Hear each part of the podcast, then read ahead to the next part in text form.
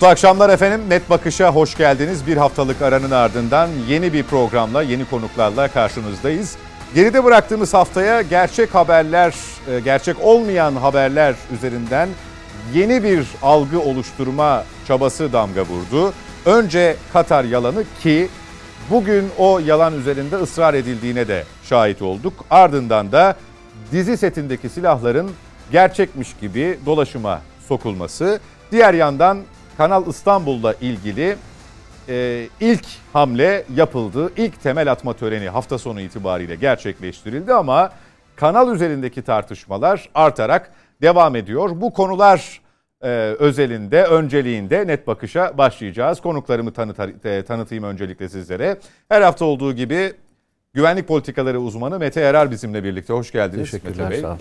Mücahit Birinci yine Net Bakış'ın daimi konuklarından AK Parti Merkez Karar Yönetim Kurulu üyesi. Hoş geldiniz Mücahit Hoş bulduk, Bey. teşekkürler.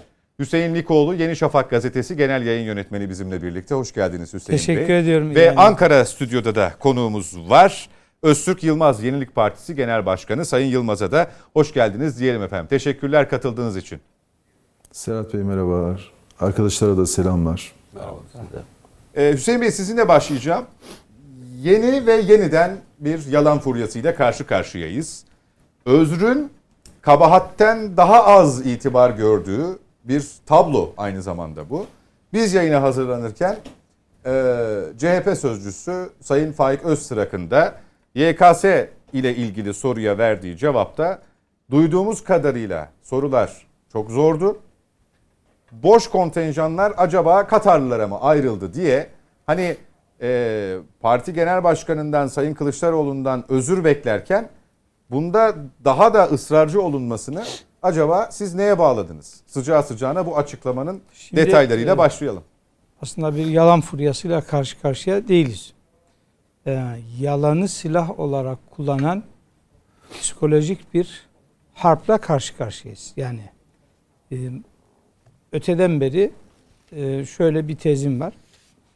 E, çok profesyonel bir yalan söylersiniz ve bu e, yalanın yalan olduğu kolay kolay ortaya çıkmaz. Çünkü e, yalandır. Yani yani çok profesyonelce söylersiniz. Kolay kolay kimse onun hani her yalanın bir ömrü var şüphesiz. İşte yalancının mumu yassıya kadar yanar gibi sö- e, sözlerimiz var ama e, karşı karşıya kaldığımız durum şu. 5 dakika sonra yalan olduğu ortaya çıkacak bir konuyu, bir yalanı söylüyorsunuz. Aslında üzerinde durmamız gereken konu bu. Bir saat sonra gerçeği ortaya çıkacak. Bir gün sonra gerçeği ortaya çıkacak. Yassı olmadan gerçek ortaya çıkacak bir yalanı niye söylersiniz? Bence psikolojik harp dediğim konu tam da burası. O zaman diliminde ama 5 dakika ama 1 saat ama bir gün. O zaman diliminde elde etmek istediğiniz bir netice var. Yani e, o zaman diliminde e, ortaya çıkmasını istediğiniz bir durum var.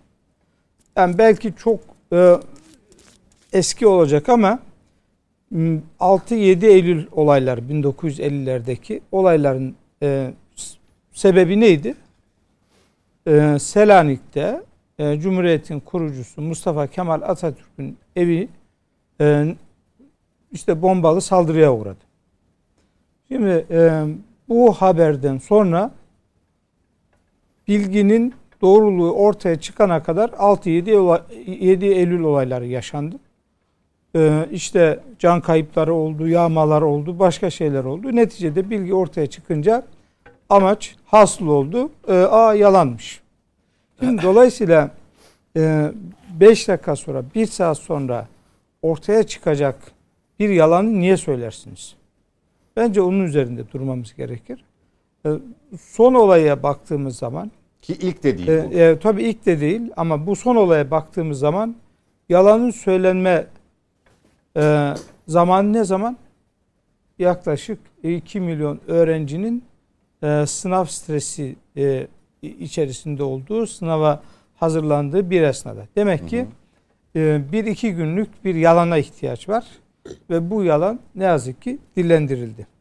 Şimdi tabii e, dediğiniz gibi yalanı söyleyen, yazan e, internet sitesi bu yalandır. E, ben e, işte aceleyle e, kaynağı teyit etmeden bu haberi yazdım. İşte bundan dolayı özür dilerim demesine rağmen ana muhalefet partisinin lideri ve onun sözcüleri bu konuda yalanını sürdürmeye devam ettiler. Ve son söylediğiniz az önce işte bugün e, akşama doğru Cumhuriyet Halk Partisi'nin sözcüsü Faik Öztürk'ün ifadesi. Efendim e, sorular zor sorulmuş. Kontenjanlar boş kalsın. E, o boş kalan kontenjanlara da Katarlı öğrencileri yetiştireceğiz. Şimdi kafaya koymuşsunuz Katarlı öğrencileri e, Türkiye'de tıp öğretimi vereceksiniz. Ama bu konuda bir de e, işi zor soru sorarak şansa bırakıyorsunuz. Yani elinizi tutan kim? Boş kontenjan kalsın diye. Şimdi tamam da e, yani şu, tam onu söyleyeceğim. Şimdi e, Türkiye'de 2003 yılında e, tıp fakültesi kontenjanı 5000.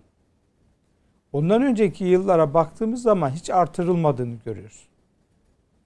AK Parti iktidarında e, Türkiye'de bu kontenjanların artırılması için 2003, 2004, 2005, 2006, 2007 yıllarında her yıl bir gayret var artıralım diye. Ama dönemin yökü ve e, YÖK'ün sahibi dönemin Cumhurbaşkanı Türkiye'de 2007 yılına kadar hükümet istemesine rağmen e, tıp fakültesi kontenjanları artırılamadı ve yeni tıp fakülteleri açılamadı. Niye? YÖK istemiyor. Ancak Türkiye'de 2007 yılında Cumhurbaşkanı e, değiştikten sonra Abdullah Gül Cumhurbaşkanı seçildikten sonra ya Abdullah Gül Cumhurbaşkanı seçildikten hemen sonra yine YÖK Başkanı değiştiremedi. YÖK Başkanı'nın görev süresi dolduktan sonra 2009 e, yılında Türkiye'de tıp fakültesi kontenjanları arttırılabildi. Bugün tıp fakültesi kontenjanları 16.448 2021 e, eğitim öğretim yılında 5000'den buraya evet. 5000'den buraya. Şimdi e, bir yandan bu kontenjanların kim tarafından arttırıldığı, kim tarafından engellendiği meselesi var. Diğer yandan hükümet karar vermiş e, efendim Katarlı gençlere tıp eğitimi verecekmiş. Ama e, ne olur ne olmaz yani ayarlayamamış 500 kişilik Soruları kontenjan ayarlayamamış ki. 300 kişilik kontenjan ayarlayamamış. Ne yapayım? Ya ben bu soruları zor sorayım kontenjanlar boş kalsın. Ee, boş kalınca da o zaman istediğimi oraya alır yerleştiririm. Böyle bir anlayış ancak ve ancak yani cehaletle izah edilemez. E, muhalefetle izah edilemez. İzah e, edilecek tek konu kesinlikle yalan üzerinden bir e, psikolojik Peki. hareket var ve e, bunu e, giderek e, artıracaklarını düşünüyorum. Maalesef e, şu anki e, pozisyon bunu gösteriyor. Bu Katar takıntısını neye bağlıyorsun Mete Yarar? bir tek oraya bağlayabilsem keşke. Yani yani sorun tek Katar olsa hani Katar'ı kapatalım diyeceğim. Hani bir iş şey yani iş çözülsün diyeceğim ama olmuyor yani. Bu Katar'la kalmıyor. Ee, ben e, sanırım e, Mücahit de öyle bir isim takmış. Ben organize yalan diyorum. Bu şey değil yani. Tek başına söylenen yalanlar değil. O bu organize bir yalan. Ve bu organize yalanlar artarak gidiyor. Şimdi pazar günüydü galiba. Evet pazar günü arkadaşlarla oturuyoruz. Hiç üniversite imtihanına giren çocukları olan insanlarla değiliz orada. Yani hani öyle bir grupta da değiliz. Ben de asker kökenli olduğum bildikleri için arkadaşlar şey dediler ya Mete bu biz anlaşma imzalamış dediler şeyle Katar'la. Askeri bir anlaşma. Bizim bütün e, okullarda Katarlar şeysiz okuyacak, sınavsız okuyacak diye bana soru sordu. Abi sen nereden duydun dedim bunu. Birkaç kişiyiz böyle. Bu arada pazar günü biliyorsun şey yalanlandı yani hani bunun böyle olmadığı ortaya çıkmıştı. Dedim nereden duydun?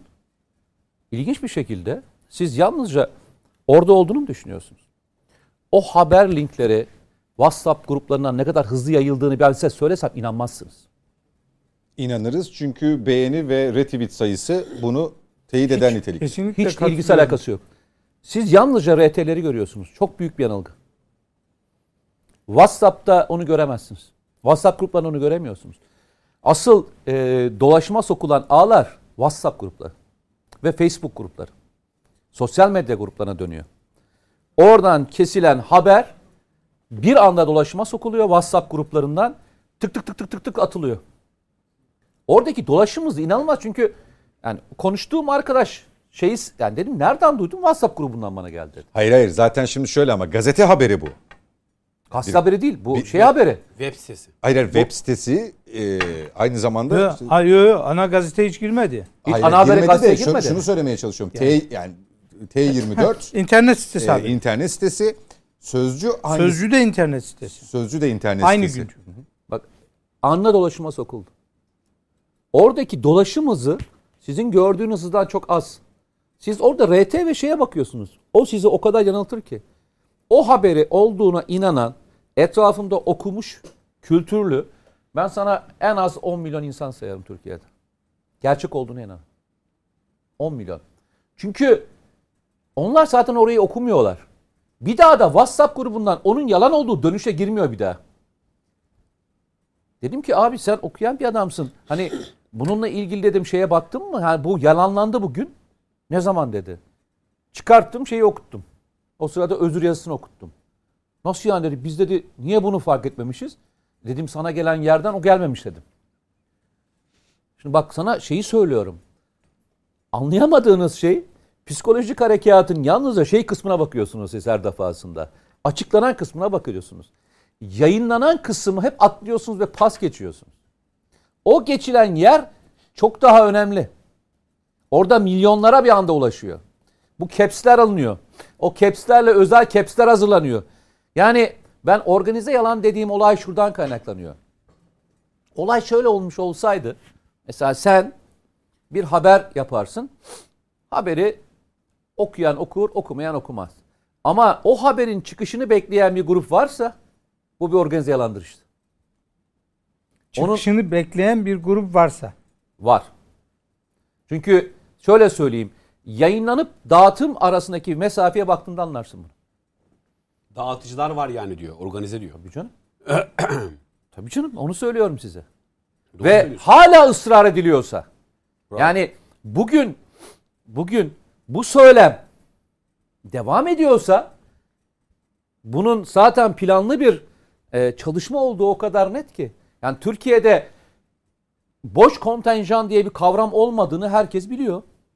Biliyorsun kontenjan veriliyor. O puanlar alamazsa e, ona göre alttan yukarı doğru bir daha kontenjan kaydırılıyor veya e, alt puana geçiliyor. Ki yani bunu söylediğiniz tıp, hukuk, mühendisliklerde çok az. Hani boş kontenjan dediğimiz biraz daha az tercih ya edilen. mümkün değil. Şundan mümkün değil. tercih Herkes lazım. yazıyor. Tercih Eğer lazım. puan tutmazsa puan tutmazsa aşağıdan kayıyor zaten. Hani yalnızca şu olur. Bu sene 250 puanla girmez de daha aşağı puanla Siz konuşurken bu arada bakıyorum da e, dolaşımda hala haber. Sözcü başta olmak üzere e, resmi gazetede yayınlandı kısmı da dahil. Öyle çıktı biliyorsun. Resmi gazetede yayınlandı. Katarlı öğrenciler e, Şimdi Türkiye'de sınavsız tıp okuyacak. Şimdi gelelim Katar hikayesi. Şimdi Katar hikayesine gelelim. Katar'ın bugün resmi rakamlar birileri açıklamıştı ben de baktım ona. Katar'ın Türkiye'deki toplam yatırım miktarı 17. sırada. Yani Türkiye'de Katar'ın e, 1.7 milyar dolarlık şeyi var. Yatırımı var. Ve toplam yatırım sıralamasında 17. sırada. 17. sırada. Borsa İstanbul'un hissesi bir önce Avrupalı bir firmada. Onlar e, bu Amerika'da dava açılınca e, şey de oraya getirilince Hakan Bey oraya getirince çıkıyorlar. Yani o hisse yine yabancı bir firmaya ait. Bu sefer geliyor yine Katarlı bir fon, uluslararası bir fon geliyor oradan fon alıyor. Kıyamet koptu. Kıyamet koptu. Hatırla. Yani sırf, sırf sen Katarlı e, hikayesi burada mı başladı zannediyorsun? Yani burada mı başladı? İşte o yüzden dedim ya Katar takıntısı. Şimdi o zaman şöyle devam edelim. Hani işin tam mantalitesini şöyle yapalım. Eğer Türkiye'de birisinin takıntısı olması gerekiyorsa en büyük takıntının Amerika'ya olması lazım. Değil mi? Yatırım noktası. Yo. PYD'ye bu kadar silah yardımı gönderen bir firma şey varken, firma diyorum, ülke varken herhalde her şeyi bir Amerika'yı sorgularım ben. Yani her Ama- şeyin arkasında bir Ama yani 2 milyonluk Katar'la 300 milyonluk Amerika tabii Türkiye açısından tehdit açısından baktığımız zaman Katar'ın Türkiye'yi işgal etme ihtimali çok daha çok yüksek. daha yüksek değil mi? Doğru. Bak ben bak bunu hep atlıyorum. Ee, mesela Katar e, Türkiye ile anlaşma imzalıyor. Askeri nakliye uçakları Türkiye'ye geliyor ve Türkiye'nin kullanımı açıyor. 35 tane askeri uçak gelebiliyor şey e, savaş jetleri ve bunlar Türkiye'nin özellikle Yunanistan'la bir konu olduğunda eğitim için kullanabileceği uçaklar. Çünkü Mirage 2000 ve Rafale uçakları var onlarda. Bunlar Türkiye için çok önemli eğitim olacak Konya'da. Mesela bunları hiçbirini görmezler. Mesela Türkiye'nin belli noktalarında Katar'la işbirliklerinin zararlarını konuşurlar. Ama mesela hiç sen şey duyuyor musun? Mesela e, Avrupa Birliği'nin Türkiye ile aldığı kararlarla ilgili bir itiraz duyuyor musun mesela? Veya Amerika'nın Türkiye'deki e, PYD konusunda hiç ağzını açıp şöyle bir şey duydun mu sen? Ya kardeşim siz PYD'ye niye silah veriyorsunuz ya? Siz nasıl e, ülkesiniz? Ben e, hükümet sana laf söylemese ben söylerim. Ben söylerim yani. Siz nasıl Ya da PYD'yi bir- desteklemeye devam ediyorsunuz? Ya da bir yaptırım kararı alındığında e, oh iyi olmuş tavrı neden sergilenir?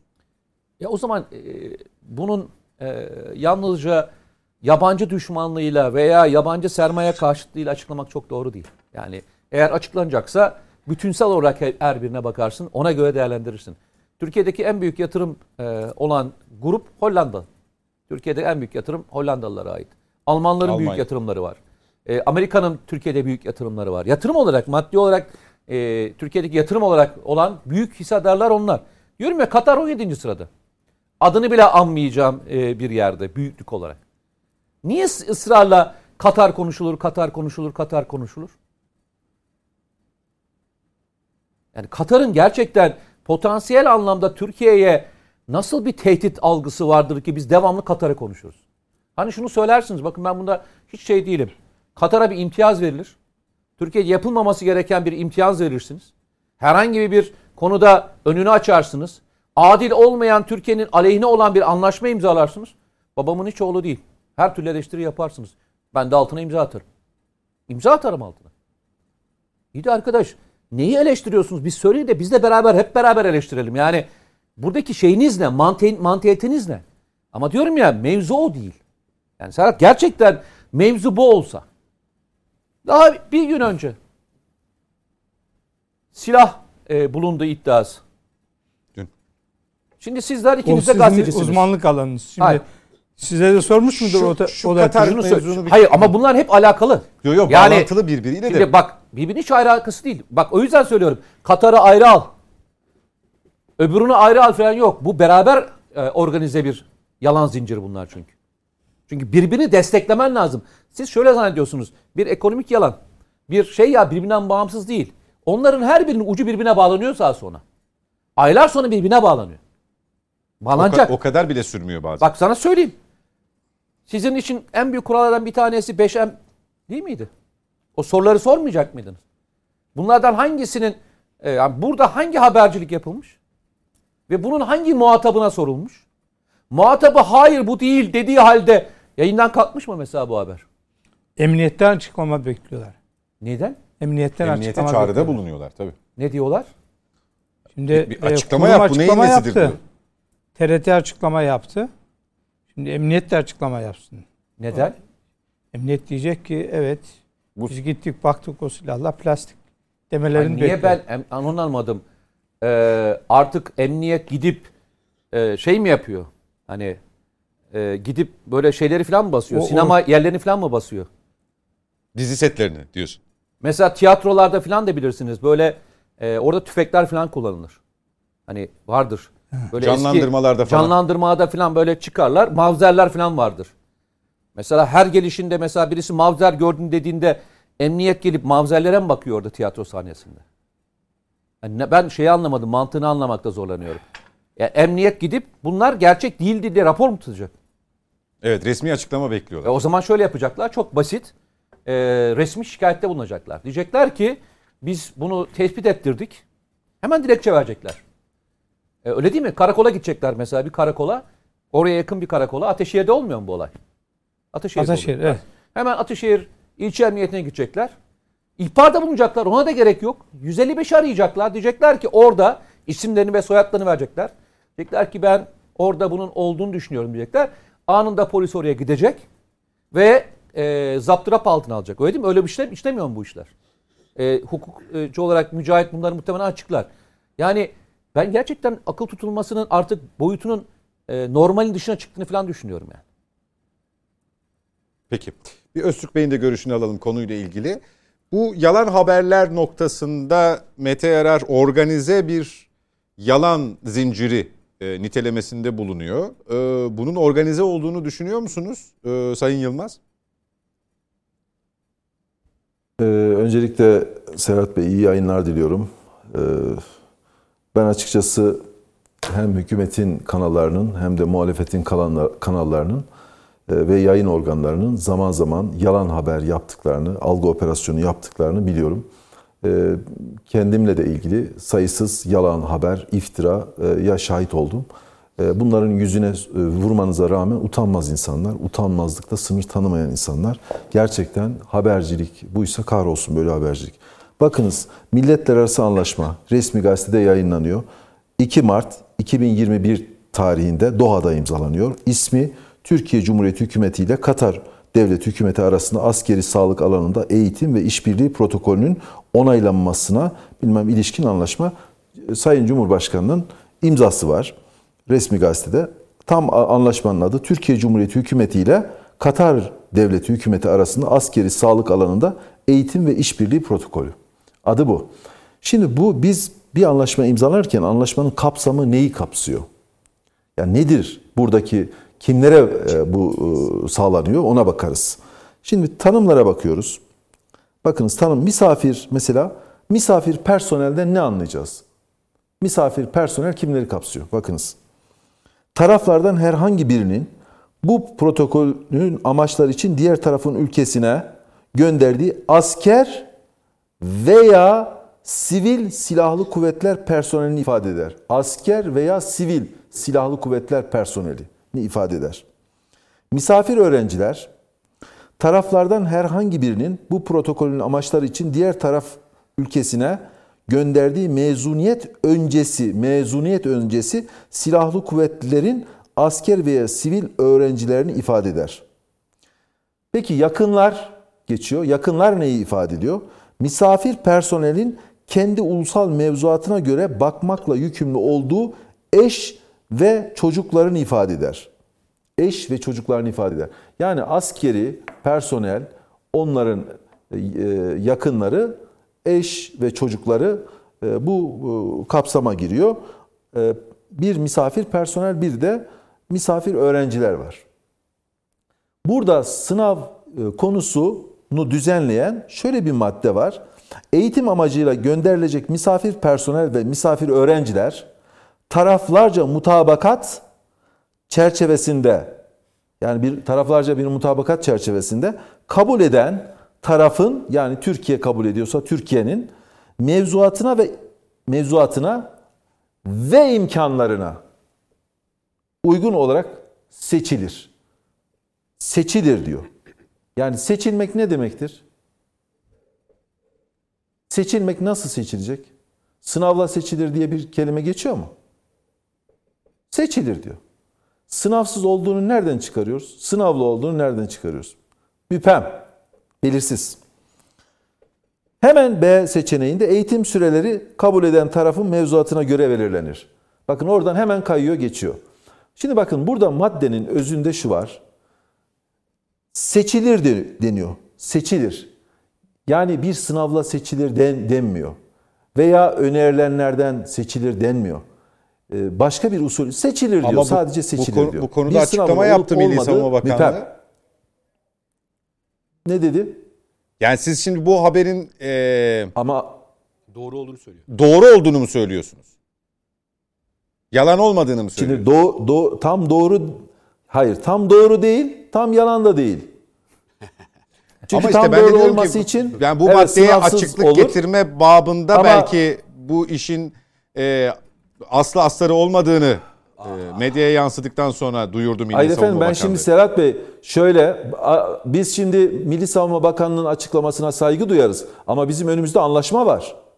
Anlaşma bakın bir daha okuyorum. Eğitim amacıyla gönderilen misafir personel ve misafir öğrenciler taraflarca mutabakat çerçevesinde kabul eden tarafın mevzuatına ve imkanlarına uygun olarak seçilir diyor. Buradaki Ama mevzuat, mevzuat ne? işte sınav.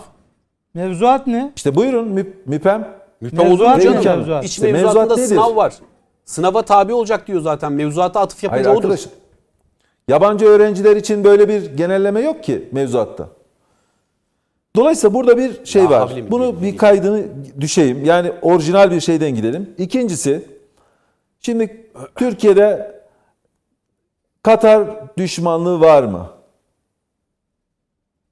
Yabancı sermaye karşıtlığı var mı? Ben ancak kendi adıma konuşabilirim. Yenilik Partisi adına konuşabilirim. Bizde Katar düşmanlığı yok.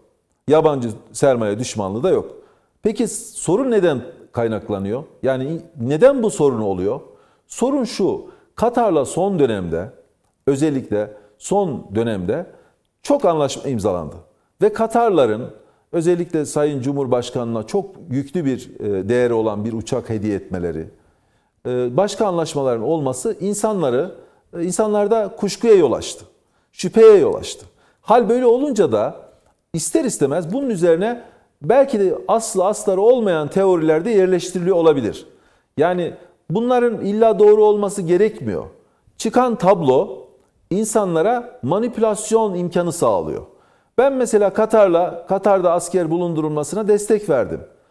Neden destek verdim? Çünkü bölgede, o bölgede Türk askerinin olmasını e, şey buluyorum. Efendim bu Katar'daki hükümeti ayakta tutmak için oraya asker gönderdik. Biz onların bekçisi miyiz diyen insanlara o dönem ben e, karşı çıktım. Yani bugün Türk askerinin orada her ne surette olursa olsun bulunması o bölge kritik bir bölgede Türkiye'nin menfaatleri için dedim. Şimdi keza Katar'daki e, Katarlı silahlı kuvvetlerin Türkiye'de eğitimi konusu, askeri işbirliği, yatırımlar konusunda bunlara evet. Ama ortada bir şeffaf olmayan bir ilişki, ilişki sistematiği var.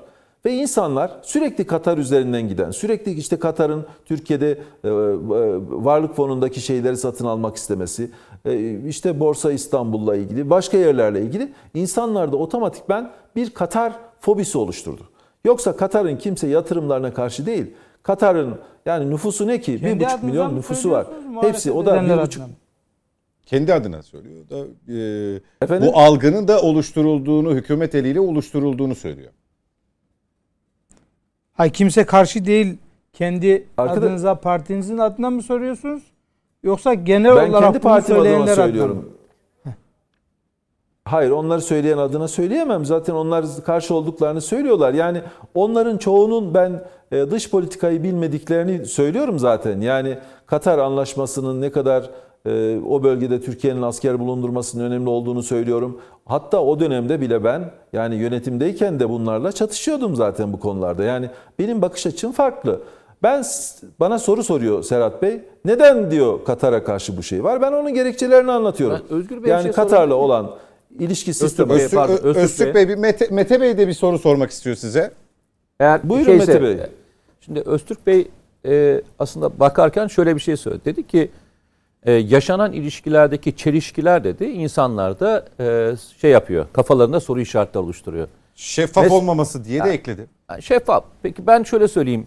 Peki Türk-Amerikan ilişkilerindeki bu kadar e, kaotik konular varken PKK, PYD ve diğerleri mesela niye insanlar e, bu komplo teorisini e, ki Türkiye Orada işletmiyor. ki Türkiye'de anketlerde baktığınızda hani potansiyel anlamda Türkiye'nin tehdit gördüğü ülkeler sıralamasına ABD birinci sırada yer alırken yani yani Türkiye'de anketler yapılıyor. Bütün sol canahtan, sağ Hayır, hayır, canahtan, sadece orta Türkiye canahtan. değil, en son e, Alman e, menşeli bir Evet evet. e, bu NATO zirvesi öncesi Marshall'ın e, bir anketi vardı. Orada da aynı sonuçlar çıkıyor. Ben onu soracağım. Peki niye kimse e, şey sizin hani e, Katarlılar konusunda bu kadar yüksek ses çıkartanlar mesela niye o konuda e, ses çıkartmıyorlar Öztürk Bey? Ona ne dersiniz? Şimdi şöyle yani ben e, bu konuda sizin sor, niçin bunu sorduğunuzu tahmin ediyorum. Cevabını vereyim. Tabii. E, bir kere benim için yani Amerika Birleşik Devletleri'nin Türkiye'de normalde yaratmış olduğu tehdit Katar'dan daha fazla. E, Katar'ın e, sonuçta Katar e, Türkiye'de ancak ekonomik avantajlar elde edebilir. E, Buradaki yatırımlar elde edebilir. Satın alma işlemlerini gerçekleştirebilir. Ama Türkiye'ye çok ciddi bir nüfus taşıyamaz. Ama Amerika Birleşik Devletleri daha farklı bir e, şeyler yapabilir Türkiye'de. Yapıyor da. E, Bu doğru size söylediğinize ben e, ne diyebilirim? Ama gerçekte şudur. Türkiye'de şu anda hükümetin Katar sepetine yumurtaları koyması Orta Doğu'da ve onun üzerinden yürümesi sadece biraz insanların kafasını da kargaşalığa sebep oluyor e, ve şüphelere sebep oluyor. İşte Kanal İstanbul'a yerleşmek istemeleri, sonra Türkiye'nin en stratejik varlıklarını almak istemeleri. Mesela Dijitürk'ü satın almış olması. Yani Katar çok Türkiye'de varlık satın alıyor. Çünkü Katar'ın elinde büyük bir fon var. Paris Oil Saint Germain after fund mesela diyorlar. rahatsız eder Yani mi Fransa'yı? petrol sonra pe- Paris Saint Germain'i biliyorsunuz Fransa'da Katar'la. şimdi e tabii ki yani Orada nefret orada var da aynı tartışmalar oluyor. Bakın Mücahit Bey orada da oluyor. Bakın Avrupa'da da oluyor. Bakın Amerika'da liman satın almak istedi Araplar. Ee, Amerika kongresi ayağa kalktı. Her ticaretin özgürlüğünün merkezi olan Amerika orada bir şey dedi ya olmaz dedi. Halbuki Amerika'da liman satın alabilirdi. Neymiş? El-Kaide ile ilintili olduğu için, oraya terörist taşıyabileceği için Amerikan Kongresi ayağa kalktı. Şimdi siz zannetmeyin ki şu anda tür ulusal konular her ülkede tartışılıyor. Yani Avrupa göçü tartışıyor, yasa dışı göçü tartışıyor, Avrupa'nın kimliğinin gittiğini tartışıyor, e, yabancı yatırımların orayı e, Çin'in işgal ettiğini tartışıyor, Afrikalı mültecilerin, Müslümanların Avrupa'yı işgal ettiğini tartışıyor. E biz geliyoruz, biz de Arapların Türkiye'yi işgal ettiğini tartışıyoruz. Ya dünyanın her yeri bir, bir yeri tartışıyor. Artık dünyada böyle bir tartışma var. Mesela Amerika Birleşik Devletleri'nde eskiden Hispanikler yok muydu? Niye bu, bu- şimdi e, Trump döneminde çok fazla tartışıldı? Çünkü yasa dışı göç artmaya başlayınca Amerika gibi toplama bir ülke bile bunlar tartışmaya başladı. Bunlar gayet normal. Yani burada da şu e, olayın büyük boyutuna bakarsak daha iyi anlayabiliriz. Mesela Kazakistan Çin'in Çin'in gelmesini engellemeye çalışıyor. E, Kırgızistan oraya Özbeklerin girmesini önlemeye çalışıyor. Kardeş olmasına rağmen Özbek nüfusundan rahatsız. Bakıyorsunuz e, keza örneğin Gürcistan şimdi Abhazya Ossetya'yı kaybetti ama hala orada farklı örneğin Acar bölgesinden onların Müslüman olmasına rahatsız. Dünyada bu tür tartışmalar hep oluyor, olacak da. Ha biz nerede duracağız? Ben muhalefetin e, durduğu noktadan zaten dursaydım zaten ben onlarla aynı çizgide olurdum. Ben zaten öyle durmuyorum. Ben e, dış politika konusunda e, çok farklı bir çizgide duruyorum. İçerideki olaylara bakış açım da benim farklı. Yani Yenilik Partisi farklı bakıyor. Ben şahsen Katar Siz de muhalefet partisi değil misiniz efendim? Ama gelip de Türkiye'de e ben muhalefet partisiyim ama muhalefet her şeye muhalefet edilmez. E, Serhat Bey yani Siz şimdi malum doğru bir muhalefeti şey söylüyorsa evet. şimdi Kılıçdaroğlu doğru bir şey Evet Kılıçdaroğlu doğru bir şey söyleyince ben onu da savunmak zorundayım. Yani illa veya işte bilmem Meral Akşener bir doğru şey söylese e, onu da savunmak zorundayım. Hükümetten mesela Libya tezkeresi geldiğinde destek verdim.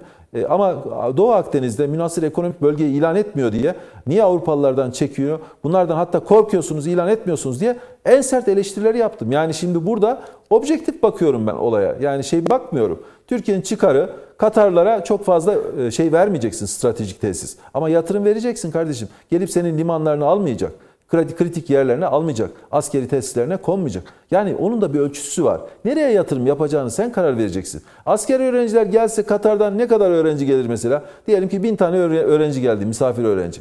Bu niye rahatsızlık yaratıyor? Çünkü işte bu altyapıdan dolayı yaratıyor. Yani Katar'ın böyle Katar'la olan çok şeffaf olmayan ilişkiler sistematiği, işte para parayla ilgili olan bu müpemlik, objektif olmayan değerlendirmeler insanlarda manipülasyon yapabileceği bir alan yaratıyor. Peki. E bunu da ben anlayabiliyorum. Ee, ama her şeyine katıl, katılıyor değilim. Son bir şey söyleyeceğim. Mesela İngiltere'de bakınız İngiltere'de İngiltere'de de bu konular tartışılıyor. Bugün İngiltere Avrupa Birliği'nde niye çıktı? Niye çıktı? İşte bunlar yüzünden çıktı. Yani İngiltere'nin göbeğinde İspanyalılar, başka Portekizler hatta 3. dünyadan gelip orada vatandaşlık almış örneğin Belçika'dakiler gitti Londra'da e, büyük şeyler satın almaya başladı. Şimdi kardeşim artık dünya kendini korumaya geçti. Her ülke kendini korumaya çalışıyor. Yani koruma refleksini insanlarda anlayacaksın. Ha CHP bunu yapıyor mu? Bence bu yani siz CHP üzerinden siyaset yaparsanız zaten bir yere gidemezsiniz. Bence farklı bir bakış açısıyla bakmak lazım. Yani bize olan değerleri korumamız lazım. Yatırımlarda da stratejik davranmamız lazım. Örneğin adam gelip bizim teknolojik bir yatırımımız varsa tezgah satın almamalı. Gelip onu geliştirmek için bir yatırım devam ettirmeli veya yeni bir alana sokmalıyız ama tek, birikim teknolojimizi satmamalıyız. Yani burada seçici olmak zorundayız. Çok dikkatli olmak zorundayız. Peki. Gelip bizim mesela e, gıda ve tarıma tarıma tarıma şey yapacaksa, yatırım yapacaksa eğer tohumu tekelleştirip eline geçirecekse bizim arazilere ne gerek var? Artık arazi e, elden gitmiş gibi bir şey olacak. Çünkü tohum onda olacak. Yarın ekmediği zaman boşa gitmiş olacak. Dolayısıyla bizim stratejik olmamız lazım. Yani burada Katar Katar konusunda da babamızın oğlu da olsa, Azerbaycan da olsa, yani gözümüzün nuru da olsa ülke konusunda, yatırım konusunda çok dikkatli olmamız lazım. Stratejik konular, limanlar, madenler, e, havaalanları, e, askeri tesisler, e, tarım, gıda, ilaç, araç bunlar da çok ve enerjide çok dikkatli olmak ve korumacı davranmak zorundayız. Peki Mücahit Birinci bu konudaki fikrinizi alayım. E, Şimdi tabii bu e, Katar mevzu da aslında manipülasyonun bir parçası. Yani Katar mevzu da manipülasyon dışında olan bir hadise değil. Yani bu yalan fırtınasının içerisinde olan bir mevzudur. E, işte biraz önce işte müphem müphem bir şey yoktur. E, müphem bir şey yoktur. Her şey e, açıktır. E, mesela Kanal İstanbul'un etrafındaki araziler, geçtiği araziler şeffaf olmama ya da şüpheyle yaklaşılan kısımlar böyle düşünmeye sevk ediyor insanları diyor. Ben kendi fikrimi ortaya koy- koyuyorum. O genel başkana cevap vermiyorum. Ee, diyorum ki bakın Kanal İstanbul'u örnek veriyorum somut. Kanal İstanbul'un etrafındaki araziler Katarlara peşkeş çekildi. Sözünden sonra sorduğumuz e, örnek verin, isim verin, hafta numarası verin, parsel numarası verin. Firma ismi verin. Yok. Peki Kanal İstanbul'un geçtiği güzergahın %65'inin kamu arazisi olduğunu söylüyoruz. Bunu delillendiriyoruz tapu kayıtlarıyla. Bunun hakkında bir karşı tarafta bir e, uyanış var mı? Yok. Demek ki nedir? Bu toplam manipülasyonun parçasının içinde olan bir şeydir. İçindedir bu Katar mevzu. Dikkat ederseniz bu mevzuda e, birileri çıktılar Türk Silahlı Kuvvetleri'nin işte Katar'a bilmem ne yapıyorsunuz gibi ifadeler kullanarak son derece galiz ifadelerle bu e, manipülasyonu perçinlemeye çalıştılar. Şimdi Serhat Bey şöyle işliyor mesele. E, biraz önce Mete Bey bu noktada güzel nokta şeylere temas etti. Şimdi e, burada e, organize bir yalan var ama aynı zamanda entegre bir yalan fabrikası da var. Entegre sistem. E, hiç şaşmıyor. Yani kimin ne yapacağı, hangi fiilleri icra edeceğini belli olduğu bir sistem düşünün. Birincisi e, büyük bir ihtimalle bir haber sitesi büyük bir ihtimalle de web no- noktasında e, yazılı basında belki değil ama web noktasında web sitesi bu yalanı pompalıyor ilk önce. Bir. İkincisi aracı kuruluşlar kurumlar var. Bak birincisi bunlardan e, bazı kendileri sanatçı olarak ifade eden insanlar olabilir. Diğeri işte bazı komedyenler olabilir. Bazı işte e, siyasetçiler olabilir. Cumhuriyet Halk Partisi siyasetçileri olabilir. Muhalefet Partisi siyasetçileri olabilir. Bunu Kendi aralarında Bunu paylaşıyorlar. aracı kurum elbette ki bazen e, birlikte yapıyorlar bu algıyı. Bunu entegre bir sisteme, entegre sisteme o WhatsApp gruplarına olacak şekilde e, özellikle de Twitter üzerinden bir paylaşıyorlar ilk önce. Bu haberi. Haber, haber kaynağı maynağı yok ama daha. Bak yalan hızla yayılmaya başladı. Ondan sonra Mete Yarar'ın belirttiği o WhatsApp, Facebook mesajlaşma site şeylerine, e, uygulamalarına, uy- gruplarına bu kanalize oluyor. Böylece yüz binlerce, milyonlarca kişiye yalan ulaşmış oluyor. Tamam yalan süratli bir mekanizma bu. Dolayısıyla bu nedir? Bir yalan fırtınasından bahsediyoruz değil mi? Ama başta ne diyorduk biz? Şunu e, tespit edelim bakın. Ben hakikaten yalan söylemeyi terörden ayrı bir yere koyan bir insan değilim. Yalan bir terördür. Bir nevi terördür. Çünkü beyinleri, gerçekliği ve doğru algıyı iyi diş etmek için kullanılır yalan. Onun için e, şimdi bu noktada nereye benzetiyoruz mesela bu olanları, bu sistematik yalanları, bu büyük yalanları, sürekli tekrar eden büyük yalanları, yani o yalanlar yalanlansa bile, o yalanlara cevap verilse bile, Savunma Bakanlığı açıklama yapsa bile, İçişleri Bakanlığı açıklama yapsa bile, bizler açıklama yapsak bile o yalanın süratine erişmeniz nedir? Mümkün değildir. Çünkü sizin öyle bir entegre sisteminiz, işte bunların gruplara paylaşıldığı e, bir durumunuz yok. Ne yapıyorsunuz? Çok çok sosyal medya kurumlarını kullanarak sosyal medyadan e, bunları ya bunların yalan olduğuna ilişkin beyanatlarda bulunuyorsunuz. Bunların yalan olduğunu e, söylüyorsunuz. Ama yalan o arada dünyayı üç defa dolaşıyor yalan.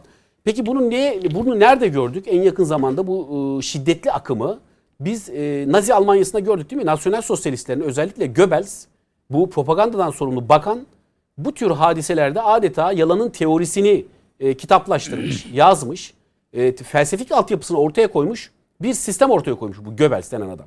Şimdi e, tabii e, Goebbels'in stratejilerinde neydi? Büyük yalan söyleyeceksiniz e, ve bu yalanı sürekli tekrar edeceksiniz bu yalanı. E, sadece söylemekle de kalmıyor. İşte burada sistematik bakın e, yalanın ortaya çıktığı öğrencilerin Katarlı öğrencilerin üniversite sınavlarında işte e, girmeden üniversite sınavına girmeden tıp fakültelerine kaydolacakları şeklinde ortaya çıkan yalan ne yapıldı? Benim dediğim sistematikle paylaşıldı artık değil mi? Peki bir geri adım var mı? Yok. Şimdi e, haberi yayan site özür dilese ne olacak? Üniversite öğrencileri sınava girmiş. Bak sınava girdikten sonra özür diliyorsun. Zamanlamalara bakın. Şimdi öğrencilerinizin, öğrencilerimizin moralini bozmuşsunuz. Gençlerimizin moralini bozmuşsunuz. Öğrenciler şu, şu soruyu sormuşlar. Ya ben aylardır bu sınava çalışıyorum. El alemin ecnebisi gelecek burada sınavsız üniversitelere girecek diye e, algı oluşturmuşsunuz. O öğrencileri bu yalan kepazeliğinin üstüne sınava sok, sınava girmesine sebep olmuşsunuz. Bakın bunu ne diyoruz? Bunu kim kim yapıyor bunu mesela? Hani siyasi sorumluluğu olan insanlar bunu yapıyor mu? Siyasi sorumlulukları var değil mi? Bunlar o öğrencilerden o isteyecekler. Cumartesi günü müydü? Çok özür Cumartesi. Hüseyin. Cumartesi değil Yok mi? Cuma günü. Cuma günü. Cuma, Cuma günü. Cuma. Aslında sizin söylediğiniz Cumartesi noktayla değil. paralel. Kanal İstanbul'un ilk temel atma o tabii, töreni. tabii. Cuma doğru doğru. Cumartesi ertesi gün Pazar günü sınav. Doğru doğru. Ertesi gün Yani tabii temel atılıyor. bir taşla tırnak içinde Bravo, iki kuş. bravo bu kadar. Yani orada Kanal İstanbul'un açı- açılışının gölgelenmesi dahi birçok strateji var. O büyük yalanda. Şimdi bu e, sistemde işte Kılıçdaroğlu kalktı, bunu retweet etti ve e, envai çeşit galiz ve ek gerçek dışı beyanları o tweetin içerisinde sıraladı. E, ben pazar günü baktığımda hala onu silmemişti. Şu anda da zaten Faik Öztürk'ün beyanlarını gördüğümüzde hala arkasında duruyorlar. Bakın internet sitesi haberinden vazgeçti. Zatlar hala o, olayın peşindeler. Aynı internet Şimdi- sitesi özrü de acaba WhatsApp gruplarına gönderiyor mu? Aklıma geldiği için sordum. Süreniz bitti. Evet şimdi e, şimdi e, şu e, bu tabii bir strateji olarak gördük değil mi bunu? Bu bir strateji. Yani bu kafalarına göre yapılmış veya e, tesadüfen meydana gelen bir hal değil. Mesela biz bunu yakın tarihlerde Türkiye'de bu yalan benzerini nerede gördük?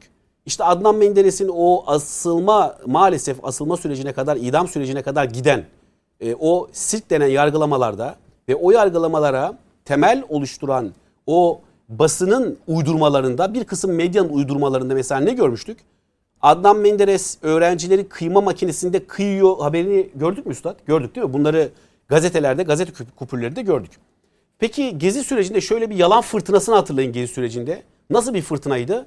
İşte e, üzerinden tank paleti geçmiş şahsın buraları lime lime olmuş, sırtı lime lime olmuş görüntülerini halbuki başka bir yere ait bir fotoğraf onu servis ettiler ve buna Başka e, bir yer değil. Çok sevdikleri Sisi'nin e, Mısır'da Mısır. Ülkesinde yaptığı- olan bir şey. olan Evet. bir yerde işte bu noktadaki yalanları sistematik ve entegre bakın entegre kelimesini unutmayalım. Entegre bu. Sistemi, sistemin içinde yalan buradan böyle vızıt giriyor. Olgunlaşmış bir şekilde öteki taraftan çıkıyor ve her tarafa servis ediliyor. Ee, şey gibi entegre süt e, fabrikaları oluyor. Bu da benzer bir yalan fabrikası. Şimdi peki bu ne kazandıracak? Buradan e, öngörülen şey şu. E, yalanla, yalan yalanlansa yalan olduğu belli olsa bile Mete Yarar'ın birkaç program önce de belirttiği gibi iz bırakması değil mi hocam? Tortu bırakacak tortu. Tortu bırakacak ya işte o tortunun peşindeler. Toplum üzerinde to- o tortu birike birike birike birike bir kin ve öfkeyi oluşturma peşindeler. Bunu peşindeler. Şimdi bununla tabii mücadele benim kanaatime göre bununla mücadele hani ben e, espri olsun diye şunu da söylüyorum. Türkiye Cumhuriyeti Devleti'nin bir yalanla mücadele bakanlığına ihtiyacı var diyorum. CHP'ye karşı, Cumhuriyet Halk Partisi'ne karşı. Çünkü son zamanlarda hafta hafta bak haftayı geçirmez. Bu haftanın yalanını göreceğiz. İddia ediyorum. Bu hafta da gerçek dışı bir şey göreceğiz. E, o e, haber göreceğiz. Şimdi burada Ben bu arada bir e, şey soracağım Mücahit. Şu 150 yıllık Çınar'ın e, mevzusu ne oldu? Beşiktaş'ta kesilen. olmaz. Onlara dikkat etmeyecek. Hayır ne oldu?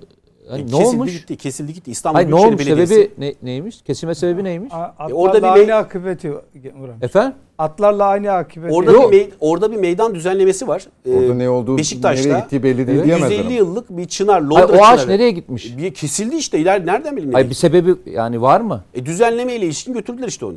Peki dedik ki dedik ki hani yeşil hassasiyetimiz var ya hepimizin aslında onlardan çok daha fazla var. E, yeşil hassasiyeti var. Bunun e, cakasını satmayı biliyorsunuz. İkizdere'de bindirilmiş Arhavi'den Hopa'dan halk evlerinden oraya getirdiğiniz bindirilmiş kıtalarla yerel halkı örgütleyip kışkırtmak noktasında faaliyet yapmayı biliyorsunuz. E peki burada bakın ağaç götürdü. Gitti ağaç. Tamam da onu, Puf oldu. Nerede? onu- ona Yok. karşı çıksalar Almanya onları fonlayacak mı? Para Evet. etmiyor ki orada gösteri. Para, Hayır ben cevap, hayır siz sorduğunuzda cevap alabildiniz mi? Ben onu merak ettim. Hayır canım ne cevabı? Öyle bir cevap yok ki. Öyle bir Aslında öyle orada ağaç yok muymuş? bağlansın söylesin mi bu zat? Serhat İstanbul Büyükşehir Belediyesi yöneten zat Katar konusunda ben de bir şey söylemek istiyorum. Tamam e, vereceğim sözü. Mücahit Bey Ben bitirsin. e, sözü bitireyim. Şimdi bu e, bunun gibi işte belli hani e, işte bu tür çifte standartlar falan işte ağaç ortada yok. Sorunca cevap yok. Bu hassasiyeti olduğunu ileri süren çevreci dernekleri mesela sorunca biraz önce fonlanma noktasında da hassasiyetleri olduğu için onları da görmezler. Yani bunların yaptığı her şey yanlarına mübah gibi adeta. Anlatabiliyor muyum? Şimdi bu noktada işte bu yalan fırtınasıyla nasıl mücadele edilir? Ben espri olarak söylüyorum. Türkiye'de Türkiye'de bir yalanla mücadele bakanlığı kurulsun diye ama hakikaten e, bu bir e, bu bir il- bilimin konusudur bu. Bununla mücadeleyi biz ben mesela hukukçu kimliğimle bununla nasıl mücadele edileceği noktasında uzman birisi değilim.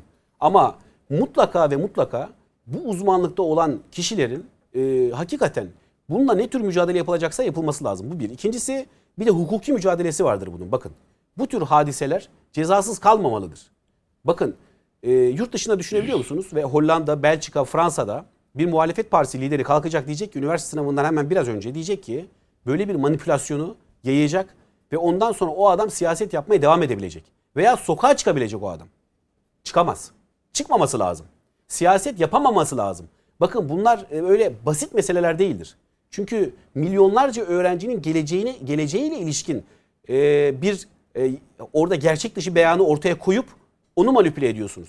Şimdi bu e, tırnak içerisinde kendi beyanlarıyla ki o beyana da katılmam, o kategori kategori edilmeye de katılmam, kategori edilmesine de katılmam e, gençlerin ama işte mesela Z kuşağından bahsediyorlar ya hani Z kuşağı işte efendim neymiş Bu- bunların arkasındaymış. Öyle bir şey yok da.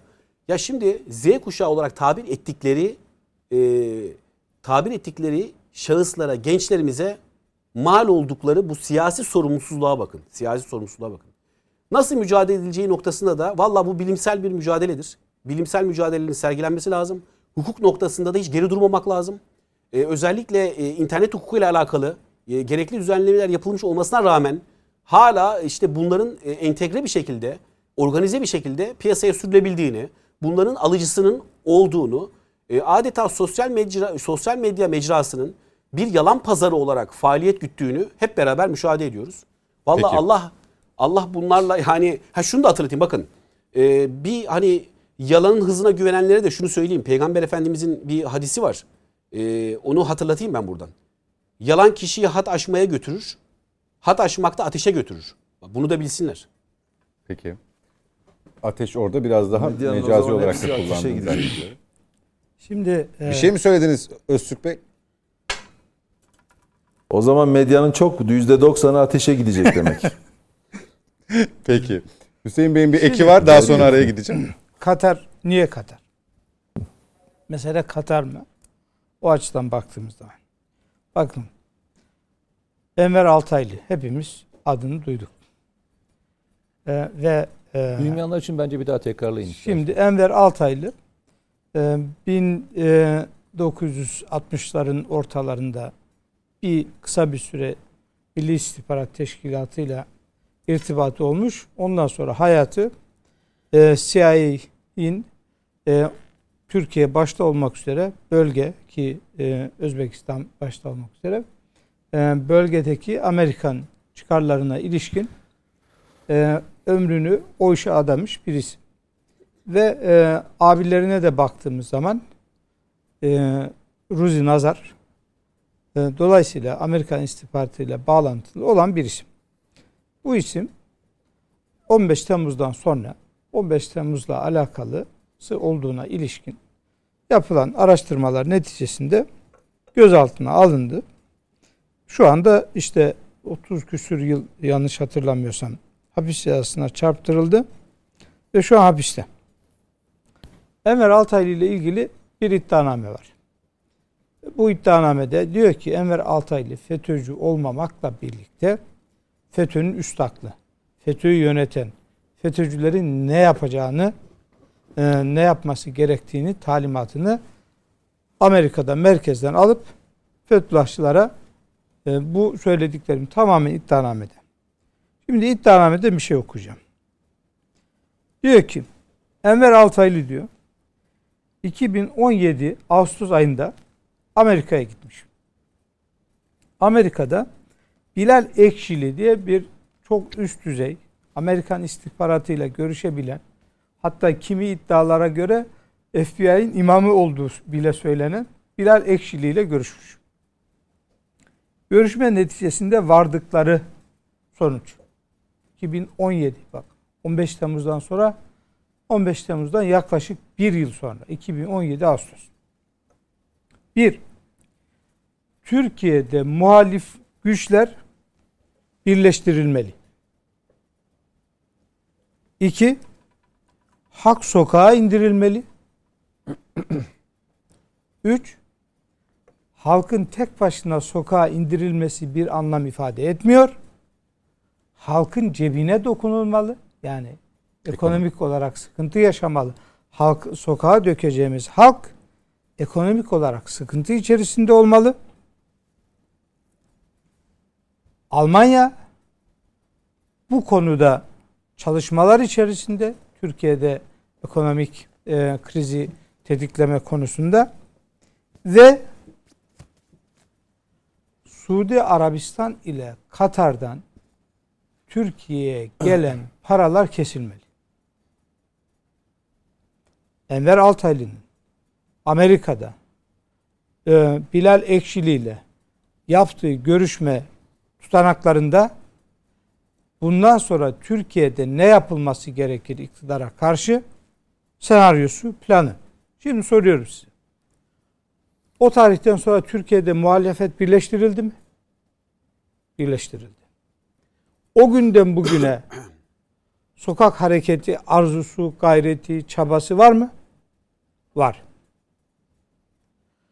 Türkiye'de 2018 yılında ekonomik e, finansal terör saldırısı gerçekleşti mi? Gerçekleşti. 2018 yılından bu yana hiçbir reel karşılığı olmayan e, kur saldırılarıyla karşı karşıya mıyız? Karşı karşıyayız. Suudi Arabistan'la aramız limoni mi? Limoni. Bu senaryonun gerçekleşmeyen tek parçası ne? Katar. Dolayısıyla 2018 yılından bu yana bakın. Sadece bugün değil.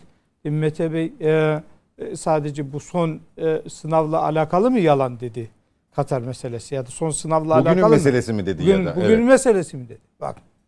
bu senaryonun toplayalım. Yazıldığı tarihten bu yana 2017 Ağustos'undan bu yana muhalefetin Katar'la alakalı söylediklerini toplayın. Senaryonun çok net bir şekilde karşımıza çıktığını görüyoruz. Çünkü Peki. bakın Fransa Cumhurbaşkanı Katar emirine diyor ki Tayyip Erdoğan'ın yanında durmasaydın biz çoktan Tayyip Erdoğan'ı indirecektik diyor. Durmasaydın dediği para e, akışını biliyorsunuz Türkiye hem Katar'dan hı hı. çeşitli yatırımlar hem de e, malum e, işte karşılıklı swap anlaşmalarıyla işte bizim e, TL'miz Katar Merkez Bankası'nda e, Türkiye'nin ihtiyaç duyduğu e, döviz dolayısıyla Katar'daki Bitirmek bir takım döviz. Şimdi dolayısıyla Katar bu. Bu senaryonun bir parçası. Yalan bakanlığı kurmaya gerek yok. FETÖ ile mücadele, FETÖ'nün üst aklıyla mücadele konusunda bir bakanlık kurulsun. Bütün bu sorunları çözeriz. Yeterli diyorsun. Peki. Çok teşekkürler bu bölüm için. Ara vakti reklama gidiyoruz. Sonrasında net bakışa kaldığımız yerden devam edeceğiz efendim. Bizden ayrılmayın.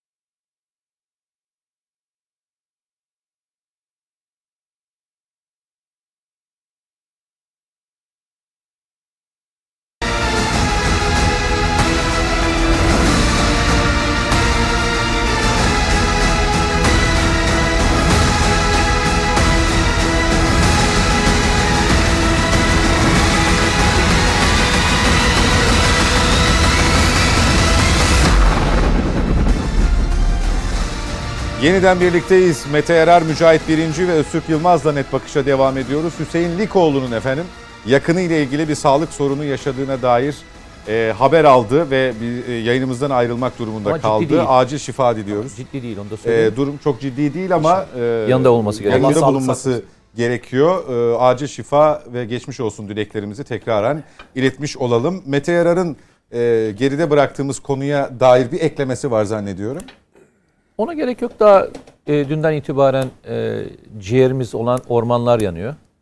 Ormanlar e, yanarken e, Türkiye'de bu konuda hani bu konulara çok eğilen insanların attıkları tweetlere bakmanızı tavsiye ederim.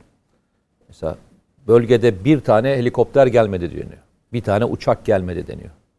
Ormanlara müdahale edilmedi diye tweetler atılıyor. Bilerek müdahale edilmedi. Hangi otele parsellenecek? Onun planı mı yapılıyor? Şey. Şimdi e,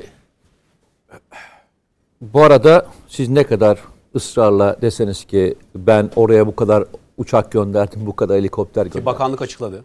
hiçbir anlam ifade etmiyor. Peki ben şöyle soru sorayım. Hani şimdi Öztürk Bey de aslında ona biraz değindi. Kendi hayatıyla ilgili değindi. Mesela Öztürk Bey eee, iddia sahiplerine Türkiye'de çünkü şöyle bir sistem var. İddia sahibi ispatlamak zorunda değil. Ya siz olmadığını ispatlamak zorundasınız yani. Dava açtım bilmiyorum. Belki iddialarla ilgili dava açmıştır. Ne oldu? Yani e, insanların bir şey söyleme özgürlüğü eyvallah vardır. Ama bunu ispat etme özgürlüğü de vardır ya. Şimdi adama dava açıyorsunuz Türkiye'de. İspat- dava mecburiyeti, açıyorsunuz. zarureti. Mecburiyet. Hayır canım müddei iddiasını ispatlamak Hayır gazete- adam öyle demiyor. Ben sana söylüyorum. Olumsuz ispatlamak imkansızdır. Red kısmında Ya ben kalırsan ispatlamak durumunda Dava değilsin. açtım bir konuyla ilgili. Bayağı ağır bir suçlamayla ilgili. Dava açtım. Mahkemeye verdim. Mahkeme aynen şunu söyledi. Yani gazetecilik kapsamındadır dedi. Şimdi nasıl yani gazetecilik kapsamında? Yani bana iddia sahibi bunları söylediğinde bunları ispatlama zorunluluğu yok mu? Ben mi ispatlayacağım? Yani olmayan bir şeyin olmadığını mı ispatlayacağım? Öyle olmaz tabii. Yani şöyle bir şey var. Sıkıntı ne biliyor musun? ben açık ve net söyleyeyim. Bir şey varsa yani bir şey varsa onu çarpıtabilirsin ama olmayan bir şeyi nasıl olmadığını ispatlayacaksın? Olmayan bir şey nasıl yani o yoktu zaten nasıl diyeceksin? Yok çünkü ortada bir şey. Aynen mahkeme şey verdi karar. Ben üst mahkemeye itiraz ettim. Şimdi dava sürüyor hala. Ya ne demek dedim ya? Yargıtay'ın kararı var bak. Yargıtay'ın kararı var gazeteci kapsamında olsa dahi delilini ve şeyini ispat mecburiyetindir diyor. Doğru. Yargıtay'ın bu kararı varken mahkeme nasıl oluyor da peki bu kararı veriyor? Ha, soruyorum sana. Hani eskiden bir kavram vardı. Yargıtay içtihatları denen bir kavram vardı değil mi? Yargıtay içtihatlarını niye yapar? Niye Yargıtay içtihatları ile beraber açıklama yapar? Emsal teşkil etsin. Emsal teşkil etsin. Aynı davalarda bana arka arkaya yanlış kararla gelmeyin. Yanlış mı söylüyorum Doğru avukat bütünlük olarak? sağlansın diye yargıda. Bütünlük sağlansın. Bir iştahatı tekrar şeye sunduk. Mahkemeye sunduk. Sizin söylediğiniz Yargıtay'ın iştahatına Aykırı. aykırıdır diye ben tekrar dava açtım. Ya bir şey söyleyeyim mi? Böyle bir durumda yalanın yalanın cezası olmadığı bir yerden bahsediyoruz ya. Ben size söyleyeyim. Örnek vereyim. Bir dava açtın değil mi? Seni gerçekten itibarını yerle bir ettiler. Tazminat davası açtın. Tazminat davası Türkiye'de nasıl açıklar? Ne deniyor tazminat davalarında karar Türkiye'de? Ne deniyor? Zenginleştirecek e, tazminat dava kararlar verilemez diyor değil mi? İyi de yani benim hayatımı mahvettiğim bir yalanın tazminatını bile şey belirliyor. Kısıtlama belirliyor. E o zaman küfürün de bir bedelini yapın yani. Bir, bir şey yayınlayın. Talimname yayınlayın. E, ona küfredersen bu kadar. Bu kadar yalan söylersen herkes ona göre davransın Türkiye'de. Mahkemeyi açıyorsunuz. Yıllarca sürüyor. Boyunu mu ölçelim yalanın diyorsun. Yani. Hayır ona göre herkes bilsin tarifesini bilsin o zaman. Başka bir şey daha var. Mahkeme açıyorsunuz. Sana bir şey söyleyeceğim. Çok basit. Ee, şeyde bir olay yaşandı. Cumhurbaşkanına tokat attı hatırlarsan. Şeyde Macron. Fransa'da. Macron. Macron'a e, tokat atan kaç güne cezalandırıldı? E, e, mahkeme kaç güne ceza verdi? Biliyor musun? Çok kısa sürede. Yaklaşık 15 gün sonra e, ceza aldı. 4 ay ceza aldı. 15 gün sonra cezası kesilmişti. 15 gün sonra cezası kesilmişti. Ya ben sana şunu soruyorum. Ben bir davayı açıp 4 yıl boyunca uğraşıp 4 yılın sonunda da bana hayır öyle değil desen ne fark edecek? Değil demesen ne fark edecek? Olan olmuş zaten. Eğer bu bir de fonlanıyorsa ne anlamı var? Ben bunun karşına bir de para alıyorsam ne yapacaksın peki? Nasıl yapacaksın peki? Bunları Yalan üreten söyleyeyim. kişi için mi söylüyorsunuz? Efendim? Yalanı ortaya atan kişi için. Yalanı ortaya atan kişiye bunu parayla yaptırıyorsa parasını zaten aldı adam. Ödeyeceği Ama- parayı da biliyor. Amacına ulaştı. 4 yıl boyunca zaten amacına ulaştı. 4 yılın sonu cezasını alacak. Biliyor ne kadar ceza alacağını. Fonlamayı kesmediğiniz müddetçe, fonlamayı kesmediğiniz müddetçe. Yalanı kesemezsiniz. Tamam mı? Siz dünyanın neresinde şöyle bir e, metin gördünüz? Ben size metini söyleyeyim. Amerika Birleşik Devletleri Türkiye'de bazı e, dernekler vasıtasıyla, Büyükelçiden bahsetmiyorum. Türkiye'deki basın ve yayın organlarına muhalefeti desteklemek ve e, bazı konularda e, şey oluşturmak için, kamuoyu oluşturmak için fon verdiğini zikrediyor. Yalanlamıyor da yani. Söylüyor açık açık. Bunlar açık kaynaklar. Şey değil istihbarat raporu falan bahsetmiyorum. Hemen çünkü şöyle komplo teorilerine girecekler. E size çok fazla komplo teori. Yok adam açık açık söylüyor. Ben diyor ki Türkiye'deki şunları Şu, şu, şunları şu, isimlerini de söylüyor. Tabii tabii. İsimlerini söylüyor ve arkasından da şöyle bir eleştiri yapıyor adam. Diyor ki ben size bu kadar para ayırdım ama siz diyor yeteri kadar Türkiye'de muhalefet etmediniz, edemediniz diyor şeye. O fonladığı internet sitelerine ve diğerlerine. Böyle de eleştiri yapıp bunu da yayınlıyor. Ya bana söyler misiniz dünyanın neresinde bu kadar aleni yapılan organizasyonların söylendiği bir yerde hiç kimsenin umursamadığı bir yerde sen, ben, devlet, kişi nasıl kendini koruyacak ya? Nasıl koruyacaksınız kendinizi? Bak ne diyorum? Yani kendim yaşamasam bilmeyeceğim. İştahatını, Yargıtay iştahatını ben mahkeme başkanına itiraz diye bir üst mahkemeye itiraz olarak gönderiyorum. Ben, ben burada yediğim lafın hatta hesabı yok. O suçlamadan dolayı. Ki böyle bir şey ispatlayamıyor da yani. Böyle bir ispatla da çıkmıyor. Ve şey diyor ki mahkeme ispat şeyi mükellefiyeti yoktur diyor. Vay ya. Türkiye'ye bakar mısınız? Siz ondan sonra diyorsunuz ki bana yalanla mücadele et ha öyle mi? Son açtığın davalardan da umudun olmadığını düşünüyorum. Bu vesileyle onu da sormuş olayım. Benle ilgi hiç alakası yok. Bu olayın benimle alakası yok. Keşke sorun ben olsam. Mete Yara kurban olsun bu ülkeye. Mete Yara kurban olsun bu ülkeye. Kardeşim açılan, söylenen lafların hangisinin hesabı soruldu? Hangisinin hesabı soruldu ki sıra bana gelecek?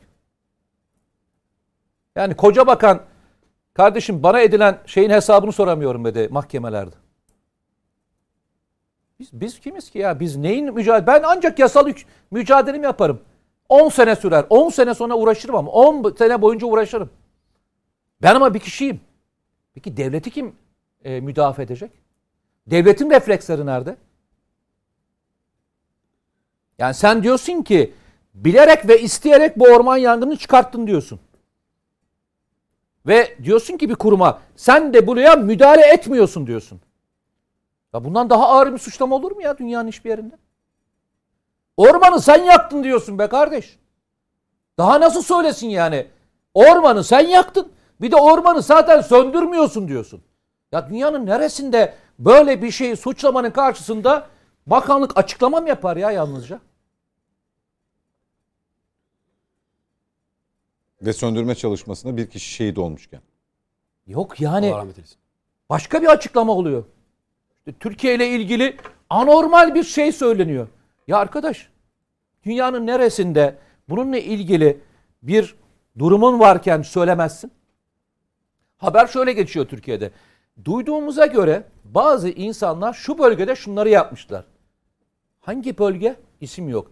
Kim söylemiş? İsim yok. Nasıl bunu öğrendiniz? Bölgeye gittiğimde belgesel çekimleri sırasında bölge halkının konuşmalarını duymuştum. Peki bu söylediğin yer neresi? ulusal bir kanalda söylüyorsun. Yani Öztürk Bey yine sağ çıkmış. Soralım canım çıkmış Yani mı? Belki sağ onun da yani. onun da belki takip ettiği bir şey vardır. O da Yani bu, bu hay şey önüne mi söylüyorum? E, neler söylenmiştir acaba? Ne olmuştur? Bak kendisi söylesin. Ee, bu kısma e, eklemek istediğiniz var mı? Mete Bey de size bir e, pas atmış gibi oldu. Sonrasında Kanal İstanbul e, başlığını olsun. açacağım. Sağ olsun Mete Bey, teşekkür ediyorum. Yani doğru söylüyor. Şimdi ben de e, Türkiye'de bir ters algı var. Dünyada da bazen ters algı var ama dezenformasyon dünyanın şu anda en belalı işi. E, gerçekten Türkiye'deki bu ters algı çok insanın canını yakıyor. Bizlerin de canını yaktı. Ben mesela e, bunu nasıl tarif edebilirim? Ne demek istiyorum ters algı? Siz namusluysanız adam sizi itibarsızlaştırmak için direkt namussuz diyor. Siz cesursanız size korkak diyor. Siz vatan severseniz sizi hain ilan ediyor. Yani ters algı. Tam sizin övüneceğiniz bir konu neyse onun tam tersini söyleyerek sizi itibarsızlaştırıyor. Bakın ben, ben kendimle ilgili söyleyeyim. Ben Musul'da tarihin görebileceği en büyük e, zor bir dönemi başarıyla yürüttüm. Ve burada utanması gerekenlere tek kelime etmedim. Geldim bir kahraman olarak. Ama benim mesela şikayet ettiğim ya bu adam IŞİD'le işbirliği yapıyor dediğim adam Yavuz hırsız ev sahibini bastırır çıktı televizyonlara benim aleyhimde konuşturuldu. Bakın onu konuşturanlar bugün sıkıntı yaşıyorlar. Başkaları da yurt dışından onların adına konuşuyorlar. Düşünebiliyor musunuz? İşte Allah yani etme bulma dünyasıdır. Yapmayacaksın kardeşim. Sen bu ülkeye bir gün bedel ödemişsen bak Mete Bey biliyor işte o bölgeyi biliyor. Biz orada bayrak dalgalandırmışız, ülkemize hizmet etmişiz. İşit gelip orayı bastığı zaman beni korumakla görevli polisler IŞİD'in safına geçmiş, yalnız kalmışım. Diplomatlarımın çoğu terk etmiş beni. Bir avuç bir iki insanla kalmışım ve ben orada 101 gün direnmişim. Ben bir ödül de beklemiyorum. Yani teşekkür bekliyorum. Gel ki o dönem geldi alnımın ortasından öptüler. Ama daha sonra bir acayip propaganda başladı. Niye o dönemde ÖSO'yla ilgili birkaç söz söyledim diye hemen anında çekti çevirdiler. Bunu da yapan hükümetin kanalları yaptı. Ve hatta hükümetin bir bakanı çıktı. Bu dedi korkaktır falan böyle. Bu bilmem falan saklandı falan. Halbuki ben IŞİD'in üzerine yürüyüp IŞİD, IŞİD'i darmadağın ettim orada. Orada da 46 kişi var yani hepsi yaşıyor. Yalansa onlardan bir tanesi çıkıp söylerdi. Şimdi dolayısıyla yani hayatımızda çok şey yaşadık. Ama ben e, yani geçmişi böyle kin, kin üzerine kuran bir insan değilim. Mete tavsiyem, ben emin olun hiç kimseyi mahkemeye vermedim Mete Bey. Sonuç alamıyorsunuz. E, Daha da çok e, şey oluyorsunuz, yıpranıyorsunuz. E, Bir de bana kim kötülük yaptıysa hep Allah'ından buldu, belasını çekti ve çekiyor şu anda. E, Birkaç kişi kaldı, emin olun bir kısmı koronadan öldü. Bir kısmı özellikle takip ediyorum ve bunların yuvaları dağıldı. Kardeşim sen ülkeye hizmet eden insanlara laf ederken iki dakika düşüneceksin. E sen bu kadar onursuzca laf edersen bizim sahibimiz de Allah'tır. Evet bizim medyamız yok cevap veremiyoruz. Çıkıp gazetelerimiz yok hemen tekzip edemiyoruz. Bizim bir şeyimiz yok yani elimizde bir imkanımız yok kardeşim. Paramız pulumuz da yok ki E, gidip çarşaf çarşaf senin gibi troll ordularımız da yok ki çıkalım şey yapalım. E bizim de Allah'ımız var bakın. Hala bu, biz buradayız çok şükür. Bakın sizin kanalınıza konuk ediliyoruz. Başka yerlere çıkıyoruz. E, taşlanıyoruz, eziliyoruz ama doğru bir yerde durmaya çalışıyoruz. Kimsenin kulu kölesi olmuyorum. Bakın ben benim partim ne Cumhur İttifakı'nı ne Millet İttifakı'nın içinde. Hiçbir yerde değiliz. Ama ülke için bir konu olursa orada canla başla biz oradayız dedim ya. Bakın Suriye'deki operasyonu destekledim. Irak'taki operasyonu destekledim. Akdeniz'deki keza öyle. e, Libya'daki öyle. Eleştirdiğim çok konu var. Eleştiriyorum doğal olarak. Ama benim şahsi bir kimseyle kinim yok. Zaten şahsi kini olanlar da e, bir süre sonra kaybolup gidiyorlar. Türkiye'de dezenformasyon çok büyük bir sorun. Bakın bunu hiç kimse sorun etmiyor. Mesela demin Hüseyin Bey e, bir şey söyledi. Dedi ki FETÖ, FETÖ'nün üst düzey yönetimiyle mücadele amacıyla e, bir bakanlık kurulmalı. Yalancılıkla yalancılıktan sorumlu. Tamamen doğru söylüyor. Ama mücadeleyi nereden başlatacaksınız kardeşim? FETÖ'de simgeleşmiş isimler bugün çıkıp gazetelerde yazıyor. Alkış tutuyorlar ve insanları namuslu, şerefli insanları FETÖ'cülükle suçlayıp itibarsızlaştırıyorlar. Böyle bir şey olabilir mi? Bunun neresi doğru? Hükümetin yaptığı bu konuda neresi doğru Allah aşkına? Yarın ayağına dolanacak bakın. Ya, ya bu, bu, bu bir kere yanlış bir şey. Yani yarın kendi ayağına dolanacak. Bakıyorum ben mesela bir tane yazar vardı. Ben Washington'a gittim. Arkamda Türk bayrağı New York Üniversitesi'nde konuşma yapıyorum. Allah'tan videoya çekmişler. Sonra çıktım geldim Türkiye'de 2-3 tane gazete Amerikan bayrağının arkasında konuşma yapıyor. Ya ben döndüm kendimden şüpheleniyorum. Allah Allah ya Türk bayrağı vardı diyorum. Olur mu öyle şey? Sonra şeyi istedim, yayın istedim. Aldım. Arkamda Türk bayrağı var ve dalgalanıyor ve sosyal medyamızdan da yayınladık. Kaldırmışlar onu oradan. Yerine Amerikan bayrağını koymuşlar. Ve Amerikan bayrağının önünde çıkıyoruz. E biri çıkıyor diyor ki ya biz orada 101 gün kafa tutmuşum. E, kahramanlıkla özdeşleşmişim. Ya bir teşekkür bekliyorum. Başka bir şey beklemiyorum. Geliyor burada siyaseten yalan söylüyor. Ya yalan bakan olması veya bakan olması değil. Yalancı adam. Yani yarın o itibar oradan indikten sonra onun hesabını elbette soracağız. Yani şimdi orada hükümetin arkasına saklanmış. Bilmem neyin arkasına saklanmış. Oradan bize ateş ediyor. Ben her dönemde ayaktayım. Ama o sadece bakan olduğu için ayakta. İndiği anda yakasına yapışacağız. Yapışmazsak da namerdiz. Çünkü o orada durduğu zaman güçlü. Şimdi Türkiye'de şu sorun var. İnsanları itibarsızlaştırma çok kolay. Bakın bu muhalefette aynısını yapıyor. Mesela ben muhalefetten ihraç edildiğim zaman bir anda baktım koridorda bir sürü yalan dolaştırıyorlar. Ya bunu nasıl olur kardeşim? Ya nasıl olabilir? Bakıyorsun adam yalancı. Yani yalan söylüyor. Yani yürüyer, yürürken yalan söylüyor. Yiyor, içiyor, yalan söylüyor. Yalancı. Şimdi ben mesela e, kendi teşkilatıma söylüyorum. Yani Bakın siz bugün de mesela e, o zaman bu, bu, bu, bu son Bizim- zamanlarda olanlara çok da şaşırmıyorsunuz. Hayır hiç çünkü Ya o bakın partinin Bey eski bir yaşamış, mensubu olarak soruyorum yaşadık. bunu. Mücahit Bey de yaşamıştır. Ya bırakın şeyi siyaseti. Şu anda siyaset konuşmuyor. Şahsen yaşamıyor muyuz ya? Ya yaşamıyor muyuz? Neler deniyor? Neler ne iftiralarla, ne ithamlarla maruz kalıyoruz? Sosyal ben medyada. mesela bugün teşkilat toplantımız oluyor bizim pazartesinden pazartesine. Bugün dedim ki arkadaşlar bakın bize ait olmayan bir argümanı sakın sosyal medyanızda paylaşmayın. İyice araştırın. Kimdir, nedir, neyin nesi, neyin fesi. Yani biz insanları töhmet altında bırakamayız. Öyle iddialar çıkıyor, öyle ithamlar çıkıyor ki ya bir durup araştırmak gerekiyor. Ama bakıyorsunuz bunu yapmıyorlar. Mesela şimdi bakın çok enteresan bir şey diyeyim. Şimdi muhalefetten bahsedeyim. Bakın muhalefet e, bu beni ihraç ettikten sonra bu defa itibarsızlaştırmak için bir sürü yas, yayın yasağı koydu, bilmem ne yasağı koydu. Resmen yürürken Kılıçdaroğlu yürürken yalan söyleyen birisi. Yani yürürken yalan söylüyor. Oturuyor yalan söylüyor. Kalkıyor yalan söylüyor. Ya birisi de demiyor ki ya kardeşim sen böyle namuslu, şerefli insanlara böyle yani sırf sırf gıcık ol- olduğun için bu kadar yalan söylersen yarın bu yalanlar senin ayağına dolaşır. Demiyor bak sağduyu da yok Türkiye'de. Bana dokunmuyorsa, bana ne kim ne yapıyorsa yapsın stratejisi var. Bu hükümetin de muydu? canını yakar. Ee, Sayın Genel muhalefetin de canını yakar. Türkiye'nin de canını yakar. Sayın Genel Başkan, Kılıçdaroğlu size sizin tabirinizle niye gıcık oluyordu sizce? Ya Kılıçdaroğlu milli adamı sevmez. Yani benim gibi adamları sevmez. Yani sevmez. Ee, Onlar o böyle uşak ister, kukla ister. Ee, Yani işte ne yapıyor? Bekliyor ki Türkiye'de ekonomik kriz patlasın.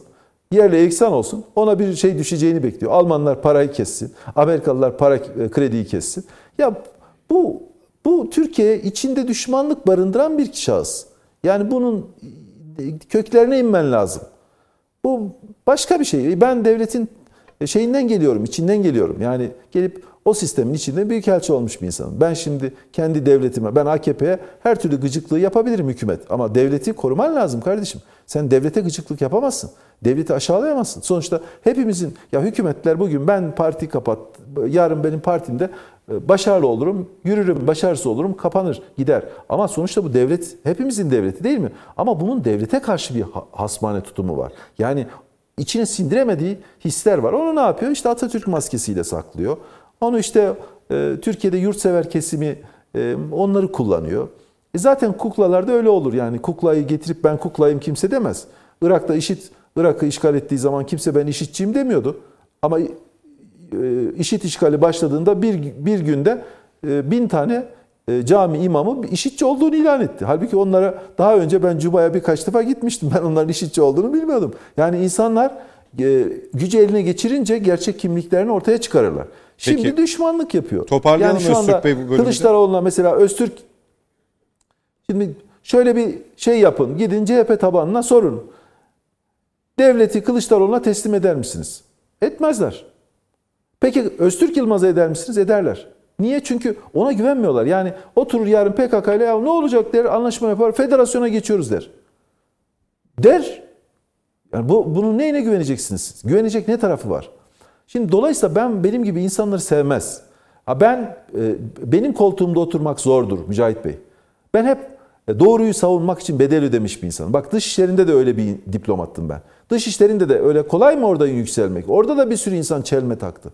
Orada da bir sürü insan taşladı. Ama ben kimseye yalakalık olsun diye iş yapmam. Bakın devletin en kritik noktalarında hep vicdanımla, aklımla, izanımla hareket etmeye çalışırım. Başkasının aklıyla değil.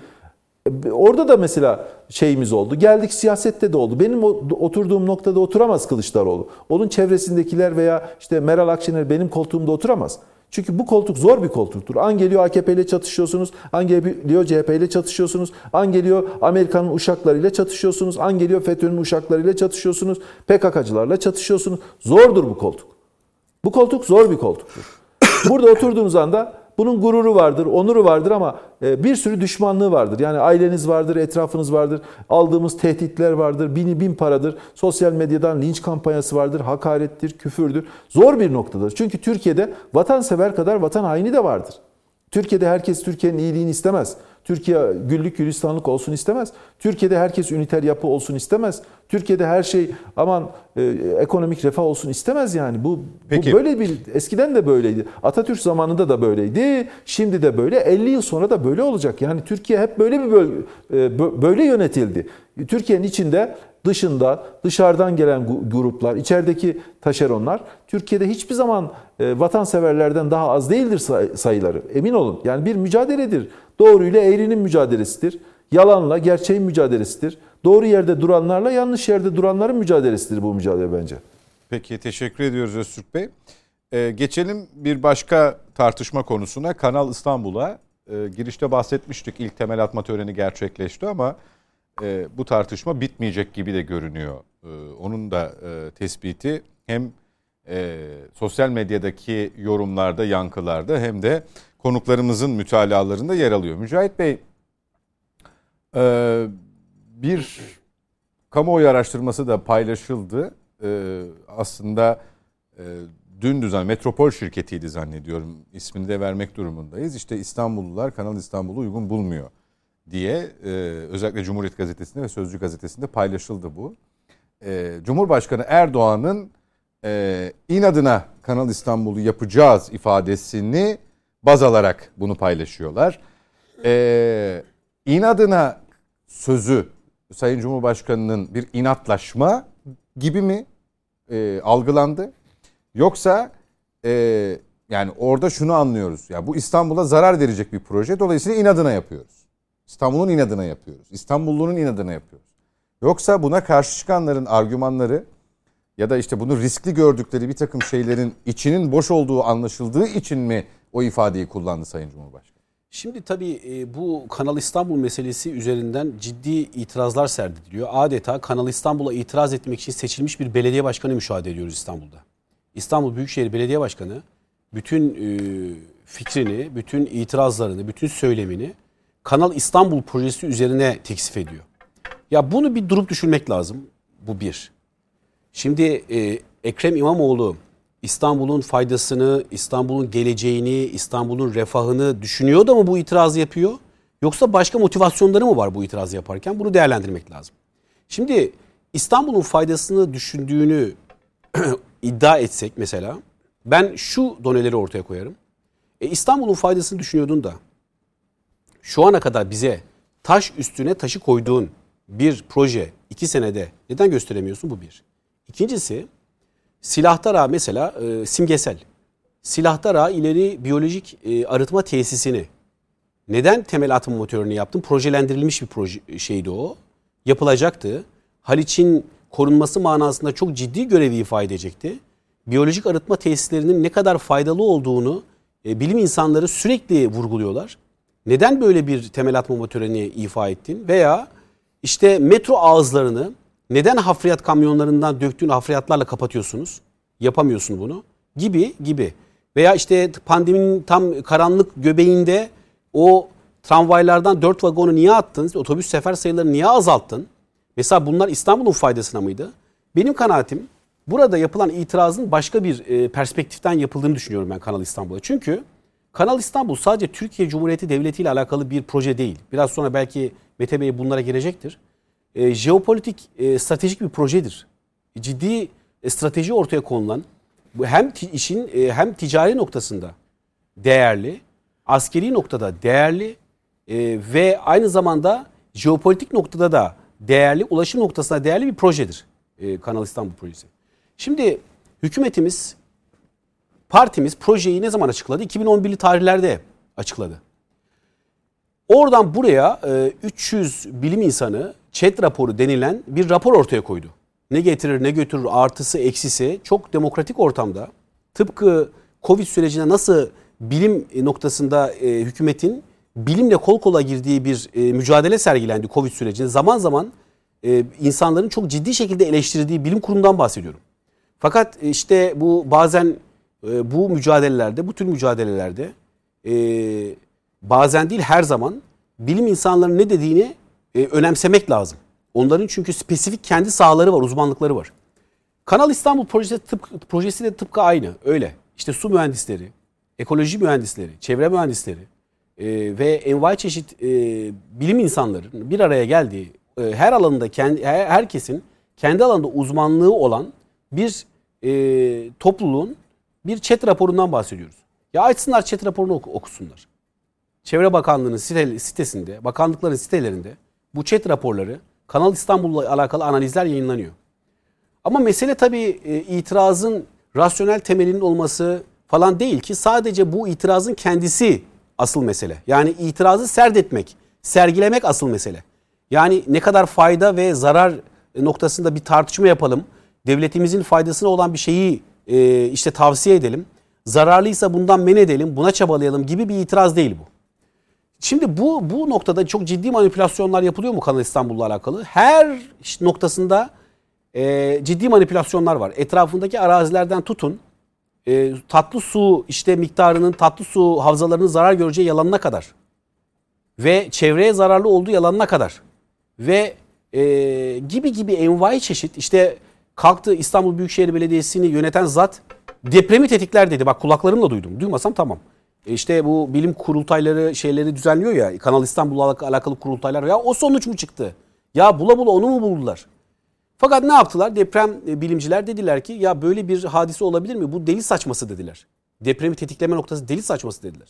İşte çeşitli yerlerden e, savunma noktasında işte nasıl savunacağız? Ya adaları nasıl savunuyoruz? Boğaz köprüleri nasıl savunuyoruz? Ya Türkiye Cumhuriyeti Devleti zaafta mı? E, İlla ki Türk Silahlı Kuvvetleri'nin savunma ile ilgili unsurların bu noktada görüşleri vardır. Dolayısıyla e, şimdi mesele şudur bakın e, bir kere Boğaz'ı İstanbullulara tevdi etmemiz lazım. Boğaz'ı. Mevcut boğazımız bir incidir. Ve dolayısıyla orada geçen gemilerin tonajlarını düşün, düşünürsek, evsaflarını, yüklerin çeşidini düşünürsek hakikaten İstanbul bir bombanın üzerinde oturmaktadır adeta. Bu çok önemli. Bak orada Independenta faciasını 1979 senesinde cereyan etmiştir. Roman bandırılı bir gemi e, petrol yüklü bir gemi patlamıştır. Ve aylarca o yanan gemi İstanbullular tarafından çeşitli yerlerden, çok uzak yerlerden, bakın Haznedar'da evimiz vardı. Ben görüyordum onun yanış şeklini. Haznedar'daki evden gör görüyordum. O parlaklığı orada görüyordunuz Boğaz'daki. Dolayısıyla bu tür bir e, dinamitin üzerinde ki çok kıvrımlı bir su yoludur. Hakikaten tehlikeli bir su yoludur. E, denizcilik açısından da. İşte e, rüzgar noktasında tehlikeli bir su yoludur. Akıntı noktasında tehlikeli bir su yoludur. Bunun bir kere e, biraz rahatlatılması lazım. Ve sadece bununla alakalı da değildir. Bakın e, o e, demir yolu projesi var ya Tiflis'te biten.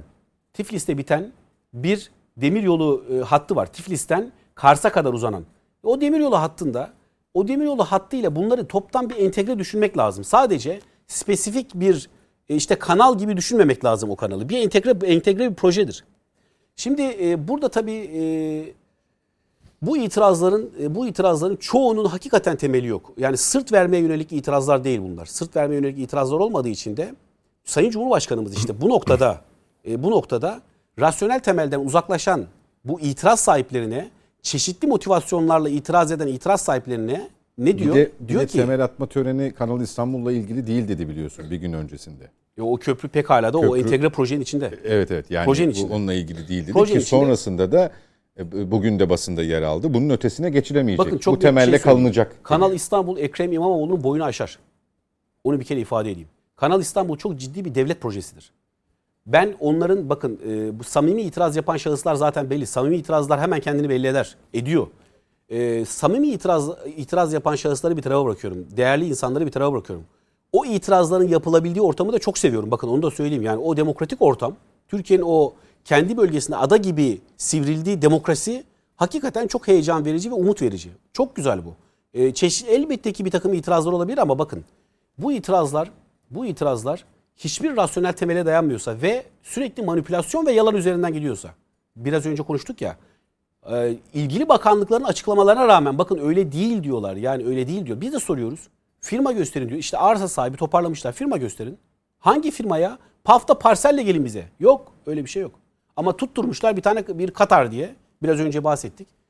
E, şunu da söyleyeyim abi. Bakın yabancı yatırımcı mütekabiliyet esası varsa yabancı yatırımcının herhangi bir yerde gayrimenkul satın alması kadar doğal bir şey de yoktur. Bak onu da ifade edeyim. Bu noktada böyle Sovyet Sosyalist Cumhuriyetleri Birliği vatandaşı gibi veya politbüro üyesi gibi düşünmem ben. Öyle bir şey yok. Eğer müte- mütekabiliyet varsa siz de orada gayrimenkul alabiliyorsanız bu normal bir yatırımdır. Onu da o ifadeyi yapayım ama bu demek değildir ki oraları önceden işte haber verildi. İşte belli ülkelerin e, vatandaşları oralara kapattı. Reze- rezerv edildi. Değil işte değil. İkinci o hadise bak en önemli hadiselerden biri şu.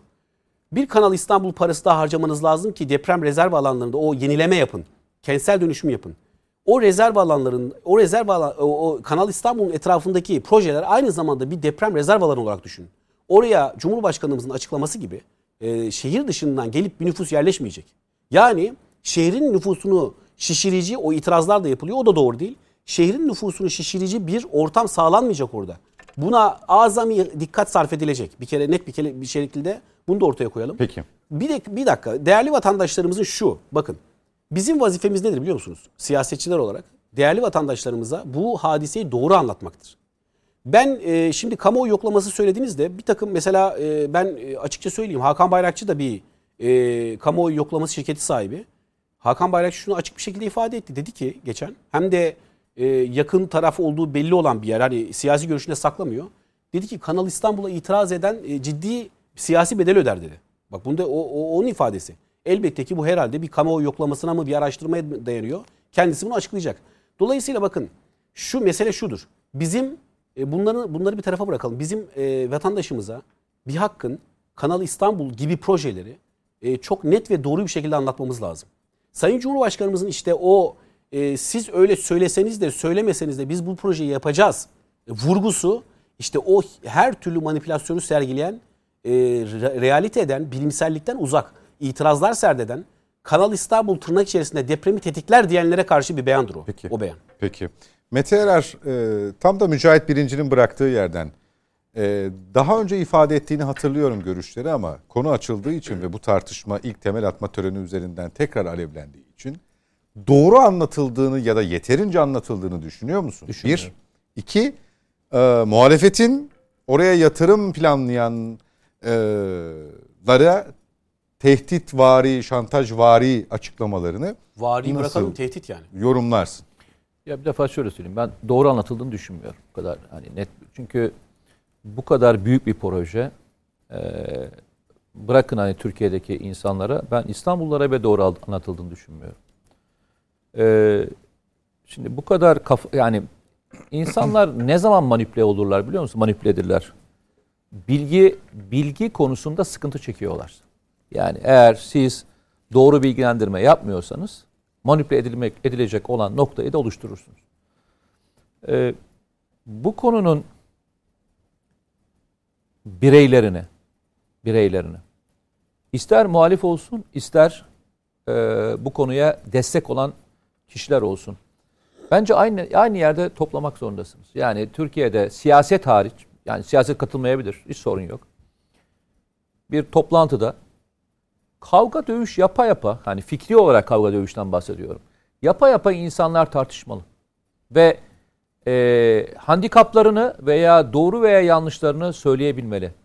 Şöyle bir durumdayız. Bu konu çok önemli bir konu.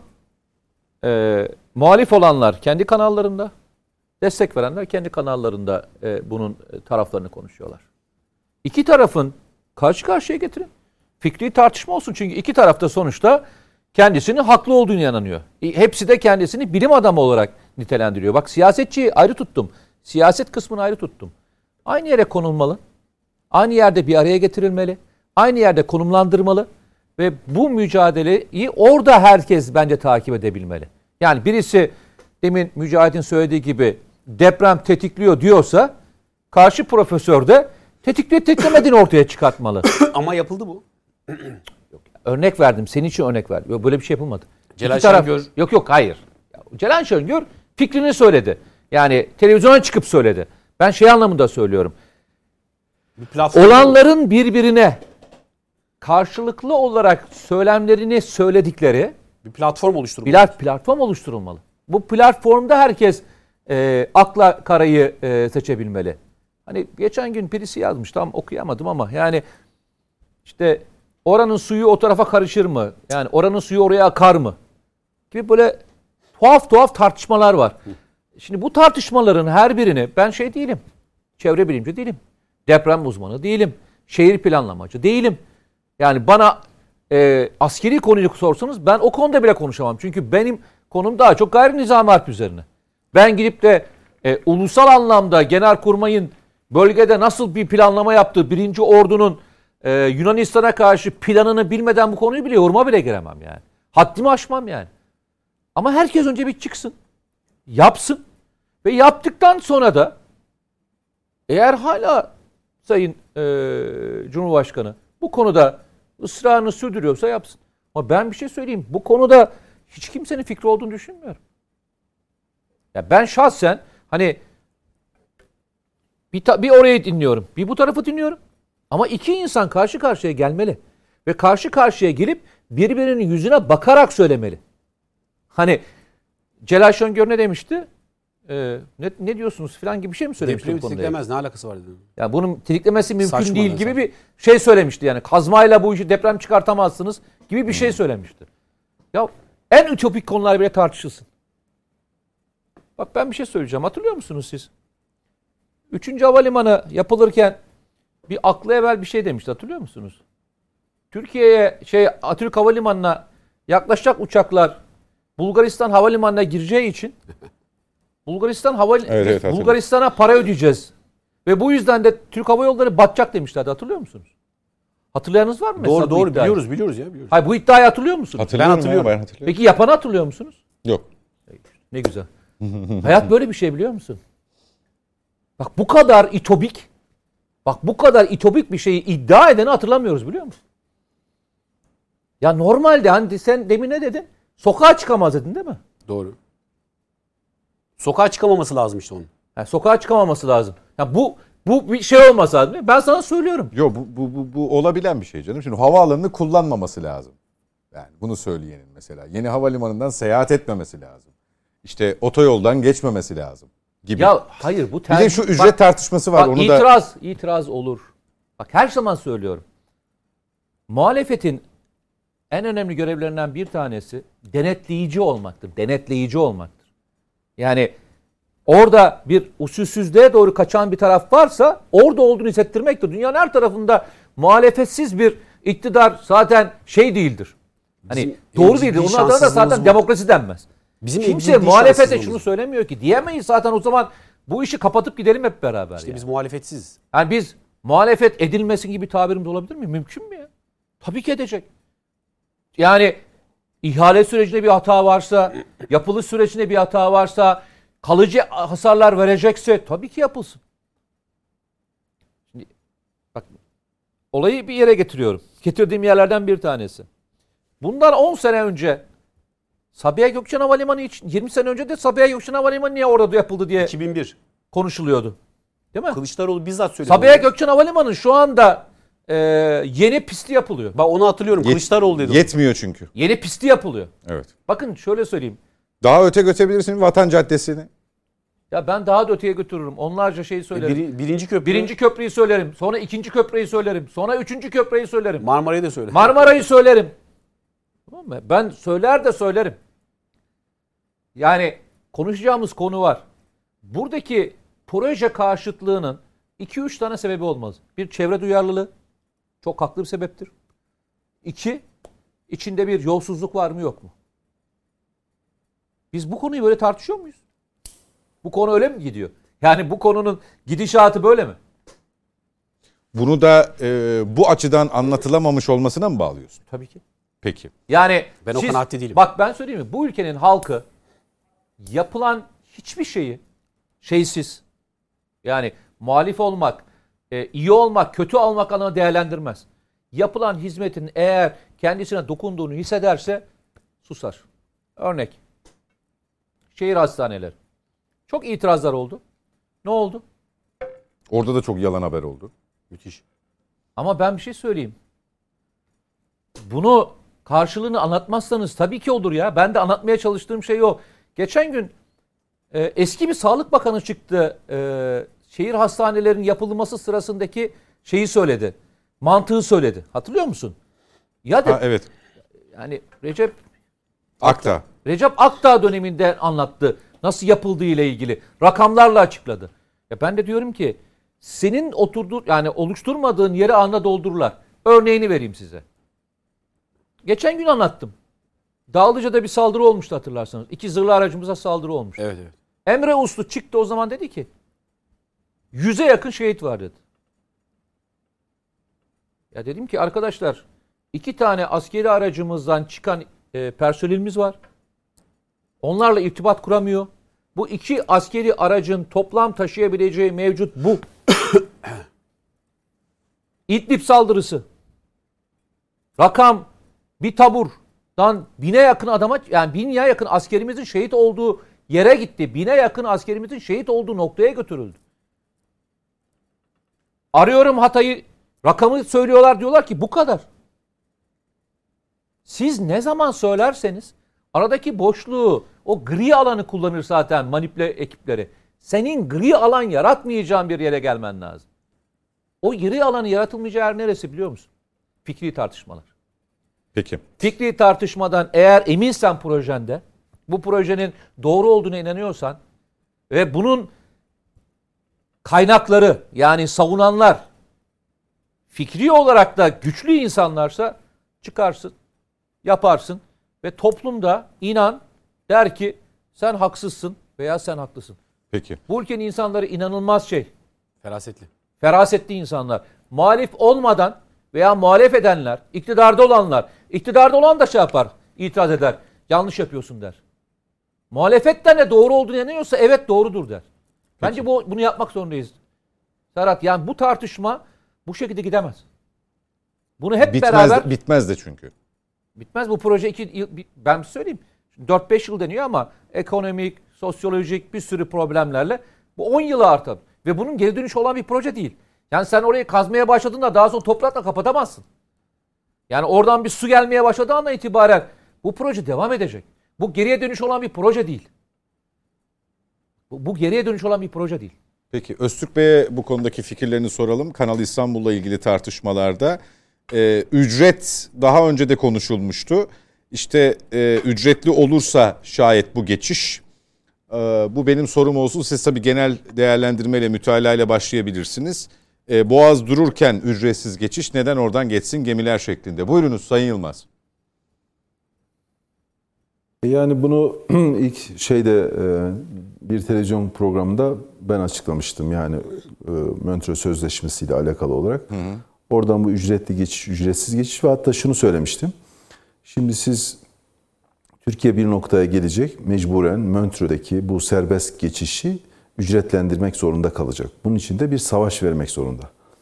Ee, yani bir biz e, para kazanmak zorundayız. Evet Montreux'u bir ileriye götürmek öyle olabilir. Yani ücretlendirirsiniz. Ama o ücretlendirmek için de ne yapmak lazım demiştim. Yani şimdi adam parasız geçiyor. Ee, Diğer taraftan da e, Kanal İstanbul açılıyor. E, paralı. Bu olmaz. İki yol var. Ya e, gayri resmi bir şekilde Marmara'da veya Karadeniz'in açıklarında olan gemileri 5-6 gün bekleteceksiniz ve illallah diyecekler. Ya Allah kahretsin buradan çok bekledik hadi ücreti verip diğer taraftan geçelim kurtulalım diyecekler. E, bu birincisi yoldur. İkincisi de İstanbul Boğazı'nı göze alıp yani Çanakkale ve İstanbul Boğazı'nı göze alıp ücretlendireceksiniz ve savaş vereceksiniz bununla ilgili. Metro taraflarına karşı konuyu gündeme getireceksiniz ve ısrar edeceksiniz. Ben egemen yetkimi kullanıyorum. Kardeşim burayı ücretlendiriyorum. Ekonomim böyle. Ben hasar, çevre hasarı oluyor. Ücretlendiriyorum. Buranın fiyatı örneğin diyelim ki 10 TL ise Kanal İstanbul'u 8 yaparsanız orayı daha fazla kullanırlar. O zaman 10 TL yani onu da direnmeniz lazım. İki yol var söylemiştim. İki gün önce bir televizyon programına katıldığımda da Sayın Bakan dedi ki bir açıklama yapmıştı. Ya biz işte bu gemiler bekler, e, bekler e, günlük 100 bin dolardır beklemesi. 2-3 e, gün beklerse onu vermemek için mecburen burada geçecekler. Ben de iki gün önce katıldığım programda dedim ki ya bu kelime yani yetkili insanların bunları kullanmaması lazım. Çünkü bunu kullandığınız anda kanalı sanki paralandırmak için bir önceden bir şey hazırlamak için yapıyorsunuz. Dünya Ticaret Örgütü'ne bak ticareti engellemek için böyle bir yola başvuruyor. Yani sırf gemileri iş olsun diye bekletiyor ki Kanal İstanbul'a yönlendirilip para kazanalım diye. Yani ücretsiz geç, geçiş varken 3-4 gün burada bizi bekletiyorlar. Sebep de Kanal İstanbul'u yaptılar. Oradan para kazanmak istiyor Türkler. Alıp konuyu Dünya Ticaret Örgütü'ne gider. Bu argümanlar yetkili makamlarda olanların bunları kullanmaması gerekir diye iki gün önce katıldığım bir televizyon programında söyledim. Şimdi Kanal İstanbul, Türkiye kanal yapabilir mi? 50 tane yapabilir. Kanal yapılmasının herhangi bir sakıncası var mı? Çevre, e, çevre ve diğer açılardan değerlendirilebilir. Varsa var, yoksa yok. Türkiye'nin büyük yatırımlara ihtiyacı var mı? Kesinlikle var. Yani ben prensip olarak bir kanal değil 50 tane daha kanal yapabilirsiniz. Ama burada sıkıntı şu. Benim e, ben konuya ne hükümetin gözüyle bakıyorum ne de muhalefetin sığ gözüyle bakıyorum. Bakmıyorum. Zaten ne hükümet bu konuyu tam açıklayabildi ne de muhalefet itirazlarını tam bir noktaya oturtabildi. Montreux üzerinden gidildi. Baktılar ki ya Montreux ile bunun bir alakası yok. Sonra ya işte Amerika buraya bir savaş gemisi Karadeniz'e yığacak dendi. E, olmaz çünkü Çanakkale'den geçmesi lazım. Çanakkale'den geçmeyince nereden havadan mı savaş gemisini getirecek? Gene e, Montreux rejimine uygun hareket etmek zorunda. İster Boğaz'dan ister diğer sonuçta Çanakkale'den geçmek zorunda. Veya Karadeniz'den bir gemi çıktı Rus gemisi e, Çanakkale'den geçmek zorunda. Yani o da Montreux rejimine tabi olacak. Dolayısıyla bu argüman da havada kaldı. Şimdi e, benim söylemek istediğim şudur.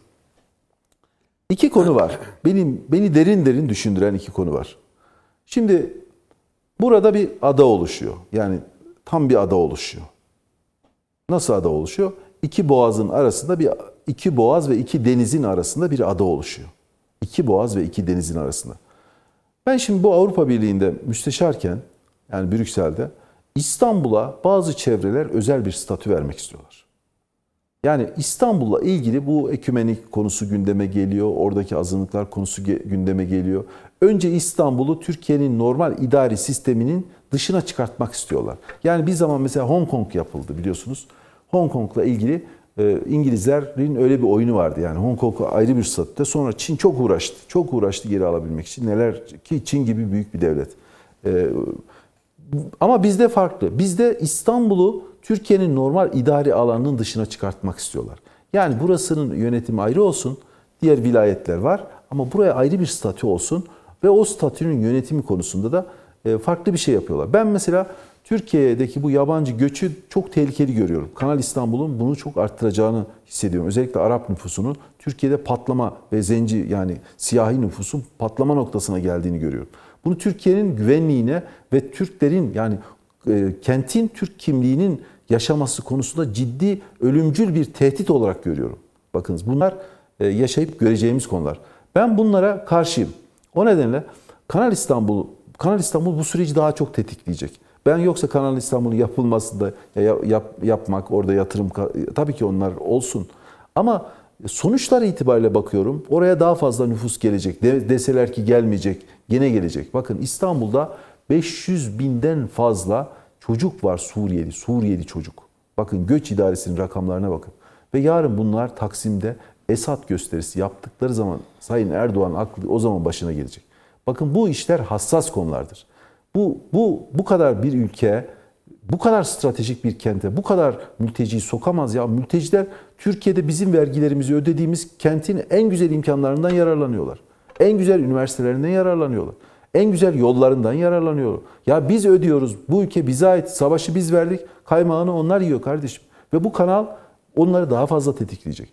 Daha sonra oranın ayrı bir statüye kavuşturulması, ekümenik iddialarının gündeme gelmesinin söz konusu e, olabileceğini düşünüyorum. Bakın Türkiye'de her şey değişiyor arkadaşlar. Türkler bundan bin yıl önce neredeydi, şimdi nerede? Coğrafya değişiyor. Bunu, bunu herkesin sorumlu bir şekilde düşünmesi lazım. Burada hükümet bu projeyi yaparken şuna dikkat etmesi lazım. Bakın biz Yenilik Partisi olarak kesinlikle yabancıların hepsinin gönderilmesini istiyoruz. Ya böyle bir böyle bir göç politikası olmaz, böyle bir nüfus olmaz. Avrupa'da 15 yıldır e, bu yasa dışı göçe karşı olan partiler gelip ülkeyi yönettiler. Hala yasa dışı göçe Karşı olan partiler gelip yönetiyor. Bunlar Avrupalılar ırkçı oldu, faşist oldular. Bunlar demokrasiyi rafa kaldırdılar sırf ülkelerinin karakteristik özelliklerini koruyabilmek için. İngiltere Avrupa Birliği'nden sırf onun için çıktı. Çünkü İngiltere artık sokakları karma karışık oldu. Ne hangi ülke olduğu belli olmayan yani Londra şey yaptı şimdi yeniden toparlamaya başlıyor. Peki. Biz açtık ülkeyi ve bu Kanal İstanbul falan bizi ne yapacağız? e, oradan Aryen çok ırkı mı dolaşacak sadece sokacak. sokaklarda yani? Aryen ırkı mı dolaşacak sokaklarda sadece? Ne Bir, düşünüyorsunuz? bir, bir, bir, bir tartışma konusu olmasın. Şöyle e, Öztürk Bey keseyim. Yok bir- şöyle şöyle yapayım Aryan bir saniye. değil, Türk Öztürk milleti, Bey bir araya gitmek durumundayım. E, dönüşte tekrar sizinle devam edeceğim. Bir müsaade eder misiniz bana? Tamam peki. Reklamların Tabii. ardından buradayız efendim.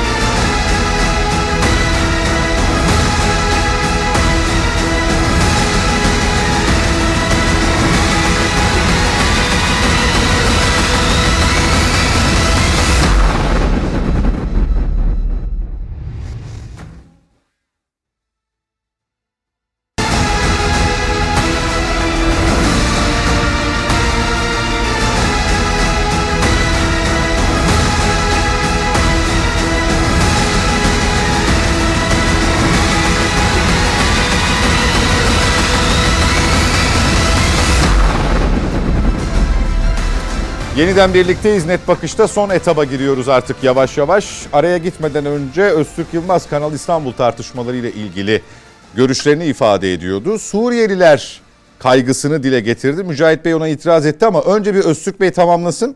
Sonra Mücahit Bey'e geçeceğim.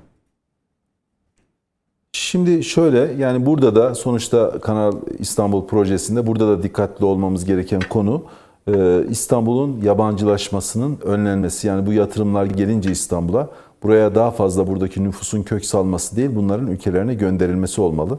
Biz şahsen yani e, bu, sınır güvenliği ve yasa dışı göçün tamamen engellenmesi ve buradaki Suriyelerin geri gönderilmesini e, destekliyoruz. Diğer taraftan Akşener ve Sayın Kılıçdaroğlu'nun yapmış olduğu açıklamayı çok gayri ciddi, son derece saçma bir açıklama buluyorum. Yani şimdi yaptığı açıklamanın hiç tutu, tutulur bir tarafı yok. Çünkü sonuçta tehdit ediyorlar. Ee, bir kere şunu yani şunu bilmiyorlar. Ee, sonuçta e, bu bu proje başladığı zaman e, buraya gelecek yatırımcılar tehdit etmek şu anlama geliyor. Yani Türkiye'nin e, maliyetini arttırıyorlar. E, diyelim 3'e yapacaksa 5'e yapacaklar. 5'e yapmak isteyecekseler ona. O da bizim Türkiye'ye zarar veriyor anlamına geliyor. E, tabii bunu kim dinler onu e, tartışılır ama Türkiye'de e, bu e, iki arkadaşın e, gerçekten Türkiye'nin yönetimiyle hiçbir alakası yok. Yani e, bir yatırıma karşı olacağınız noktalar vardır ve olmayacağınız noktalar var. Bakın ben kendi e, çekincelerimi söylüyorum işte. Yani bunlar e, benim çekincelerim. Kendi şahsımla ilgili de değil. Partimin duruşu da böyle. Ama diğer taraftan e, yani tehdit etmek, yatırımcıyı tehdit etmek ve sürekli böyle işte Türkiye'de işte şunu bunu tehdit etmek o şey pek hayra alamet bir şey değildir. Bizim Türk milleti pek sevmez. Yani bu tür şeylerden hoşlanmaz, haz etmez. Bir yapıcı bir eleştiri olmasını bekler. Bunun dediğim gibi yani egemen bir ülkeyiz. Biz kanalı Anadolu'nun ortasından da yapabiliriz. Ama benim çekincem e, İstanbul'da ayrı bir statüye İstanbul'u kavuşturmak isteyen dışarıdaki çevrelerin Türkiye'nin bir zayıf anında borçlanmasının arttığı, iç, iç e, istikrarsızlığın arttığı bir döneme denk getirip buradan bir ayrıcalık isteyip İstanbul'u ayrı bir statüyle e, ayrı bir bölgeye, Vatikan tipi bir bölgeye çevirme niyetleri olabilir. Bundan bu, bunu yapmak için de içerisindeki Suriyelilerden ağır yabancı nüfusu kullanırlar. Çünkü onların da işine gelir. Bakın bunlar basit konular değildir arkadaşlar. Sorun yarın İstanbul'un nüfusu eğer 5 milyona çıkarsa yabancı sorun İstanbul özerk olsun mu ayrı bir ayrı bir ülke olsun mu? O 5 milyon inanın ayrı bölge olsun, ayrı ülke olsun ister. Yani devlet devlet ciddiyeti bambaşka bir şeydir. Önünü görebilme işidir. Tabii ki nasıl ki e, Katarlara evet Katar yatırımlarına evet ama stratejik canımızı yakabilecek noktalarda e, durma, e, durdurabilmeliyiz. Yani her şeyi veremezsiniz. Bunu siz de yapamazsınız. Gerçek hiçbir devlet yapamaz. Bakın Putin geldi ne yaptı? İngiltere oranın gaz şirketlerini, petrol şirketlerini ele geçirmişti neredeyse. Putin geldiğinde ilk işi e, Gazprom'u kontrolünü altına aldı. Rus nefti kontrolünü aldı. Oradaki İngiliz lobilerini darmadağın etti ve ülkede kontrol ele geçirdi ve mali disiplini sağladı. Ülkede istikrarı sağladı. Şu anda bizim gidişatımız ülkede bir yabancılaşma, yatırımların yabancılaşması, stratejik yatırımların yabancılaşması yarın geri dönülmez bazı şeyler yaratabilir. Evet yani biz e, bir tercih yapacağız. Yani her isteyen her şeyi vermeyeceğiz. Her yerleşmek isteyen herkesi de getirip İstanbul gibi kritik şehirlere yerleştiremeyiz. Bugün oraya diyelim Suriyeli sayısı yarın 3 milyon olursa emin olun bir referanduma gitse oradaki ayrılıkçı unsurlar ve diğerleri İstanbul ayrı devlet olsun diye e, bastırır çıkartırlar bakın bunu. Efendim biz büyük devletiz, Türk milletiyiz. Böyle hamaset yapan insanlara da inanmayın. Bunlar palavracıdır. Yarın ölüp gidecektir onlar. Hiçbirinin adı bile hatırlanmayacaktır. Mezarları bile hatırlanmayacaktır. Ama Türkiye'nin e, geleceğini korumak zorundayız. Şimdi bizler bedel ödemişiz kardeşim bu ülkeye. Artık bir, bir dikili ağacımız da yok İstanbul'da. Benim hiçbir şeyim yok. Hiçbir gayrım ama orada bir yatırım gördüğüm zaman nasıl ki geçen söyledim İHA ve SİHA'ları gördüğüm zaman göğsüm kabarıyor böyle gurur duyuyorum. Niye? Benim ülkem bir şey üretebiliyor ya bir marka üretebiliyor. Yarın o İstanbul'un silüetinin de Türk milletinin kontrolünde olması Peki. isterim. Yoksa ırk tabii ki kardeşim ben ırkçı değilim bir şey değilim ama ben kendi milletimin kendi şehirlerimi getirip yol geçen hanla çevrilmesini ve bunun savunulmasını e, asla doğru bulmam. Ve bunu da doğru, bunu savunanları da tarihe karşı gerçekten sorumlu olmaya davet ediyorum. Yani bizim çocuklarımız var, onların çocukları olacak. İstanbul'da, e, dünyada neler olacak? 15 yıl önce deselerdi ki Irak bölünecek, kimse bak böyle bu hale gelecek 20 yıl önce kimse inanmazdı. Suriye bu hale gelecek deselerdi 30 yıl önce kimse inanmazdı. Bak e, Azerbaycan savaşı kazanacak deselerdi 5 yıl önce ya olur mu falan diye soru işaretleri olurdu. E, Gürcistan bölünecek deselerdi olmazdı. Ukrayna'ya Ruslar saldıracak deselerdi olmazdı kimse inanmazdı. Ama oluyor bakınız. Olmaz demeyin. Peki. Coğrafyada değişir, zaman Peki. değişir, şartlar değişir, ekonomi değişir ve bu e, Türkiye'nin kırılgan yapısı kesinlikle diken üzerinde durmalıyız stratejik noktalarda. Kanal İstanbul özelinde bu endişeleri haklı buluyor musunuz Mücahit Bey? E, ifade ettim. Bu e, endişelerin serdedilmesi, itirazlar elbette ki olabilir ama e, bu endişelerin aslına bakarsanız Mesela pek... çok ciddi e, kaygılar bunlar. Yani özerklik, e, stratejik bir takım belki hamleleri kıyaslamalarla beraber bir yere koyabilirsiniz ama e, şimdi Suriyeliler üzerinden bir Kanal İstanbul kıyaslaması, mukayesesi yapıp bunun riskini ortaya koymasını nasıl görüyorsunuz Öztürk Bey? Rasyonel görmüyorum. Çünkü şöyle... Yani özür diliyorum. Avrupalılar mesela göçü İstanbul'da destekliyorlar. Çünkü Suriyeliler var. Avrupalılar göçü oraya destekliyorlar. Çünkü Suriyelileri orada kullanacaklar. Türkiye'ye karşı onları maşa olarak. Çünkü onlar da ayrılık isteyecektir. Yarın ayrı e, dil isteyecektir, kültür isteyecektir, bölge isteyecektir. Ya bunlar bunlar Avrupalılar gerçekten aşağılık insanlar bakınız. Onlar Suriyelileri sevdiği için değil, Türkiye'nin içinde bir çıban olarak kalmalarını istedikleri için onları destekliyorlar ve İstanbul'da onları öyle onun için tutuyorlar. Yarın getirecekleri, Türkiye zayıf bir anda getirecekleri özellik safsatasına da en fazla onlar destek verecek. Çünkü onları kullanacaklar. Peki Mücahit Bey?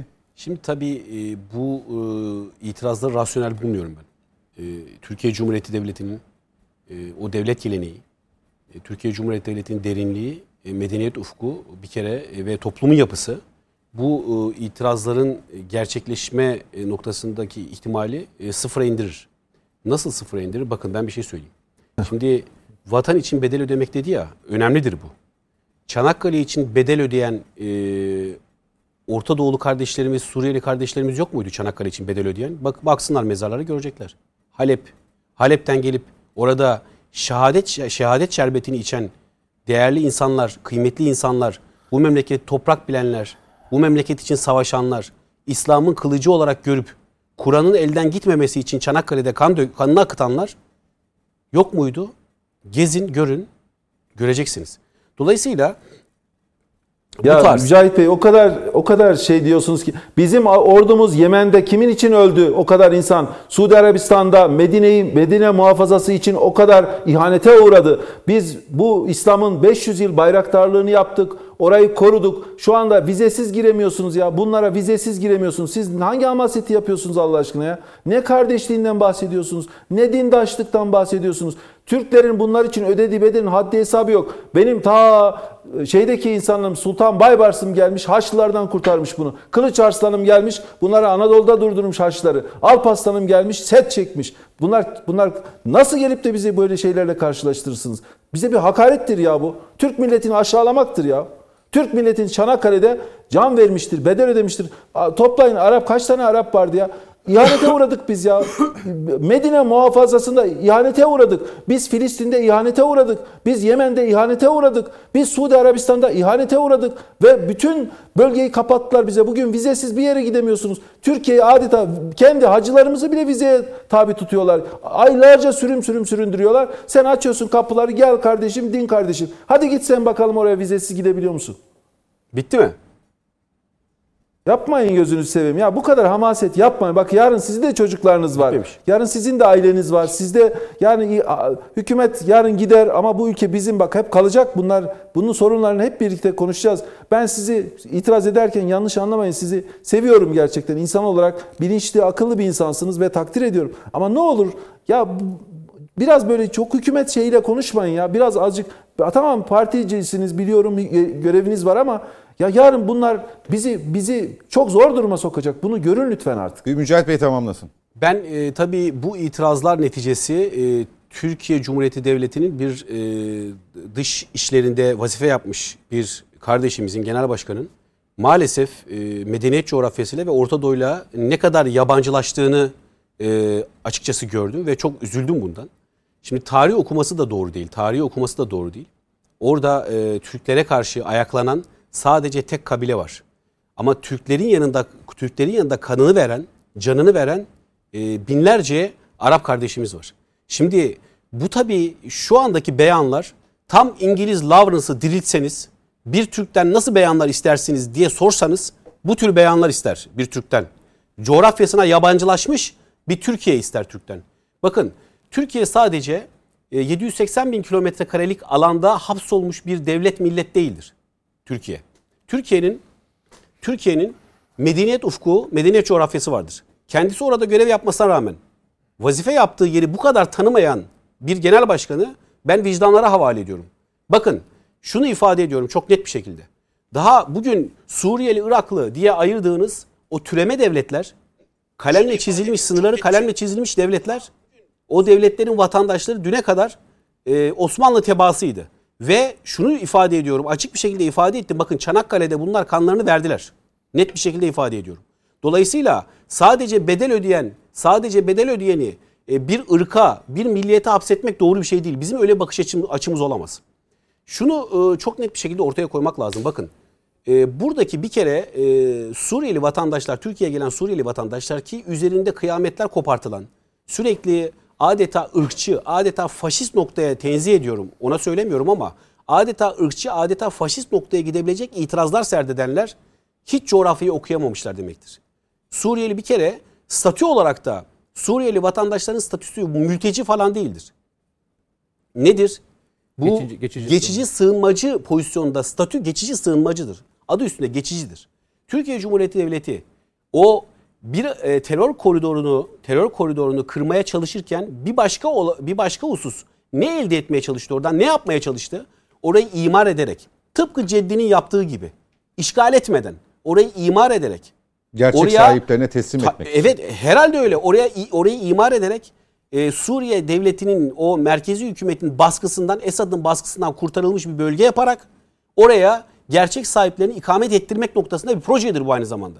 Dolayısıyla bu proje başarıya da ulaşmıştır. Daha da fazlasını göreceğiz bu projenin. Onun için bu tür itirazlarda aceleci davranmamak lazım.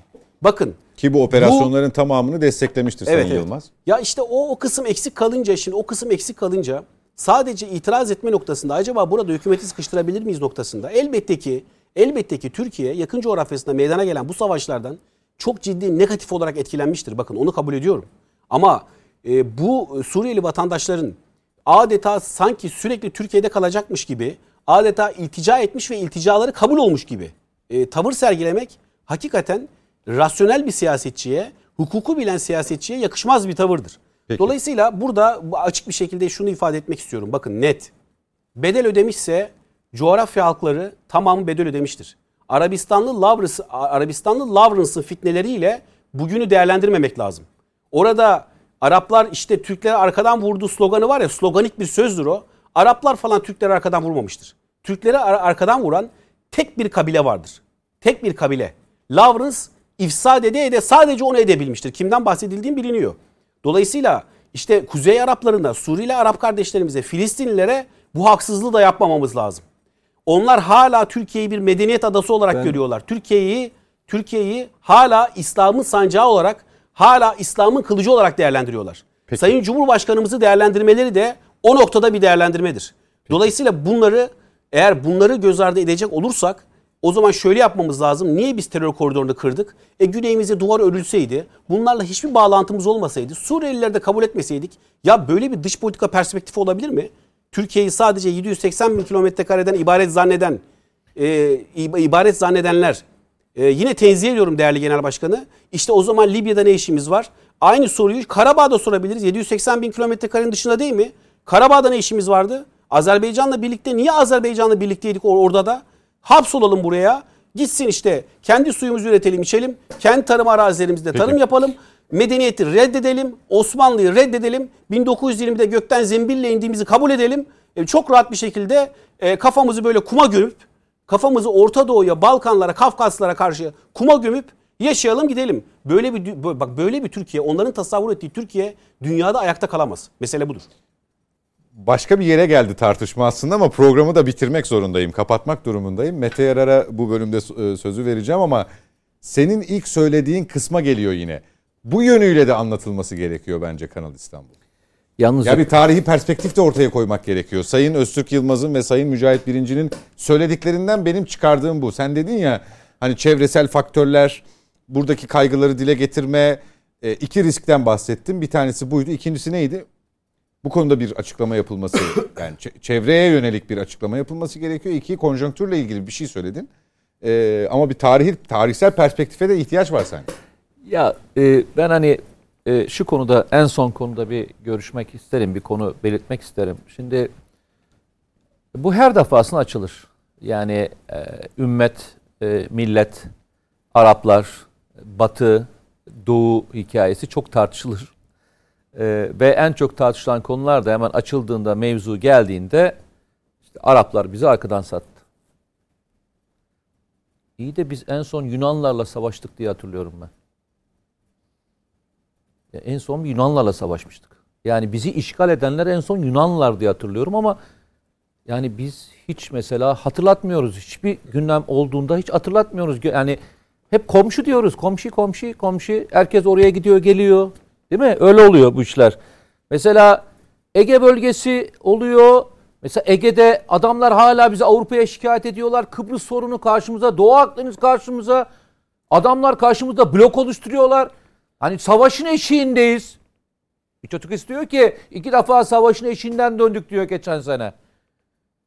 Ama kimse şey demiyor. Ya Yunanlarla biz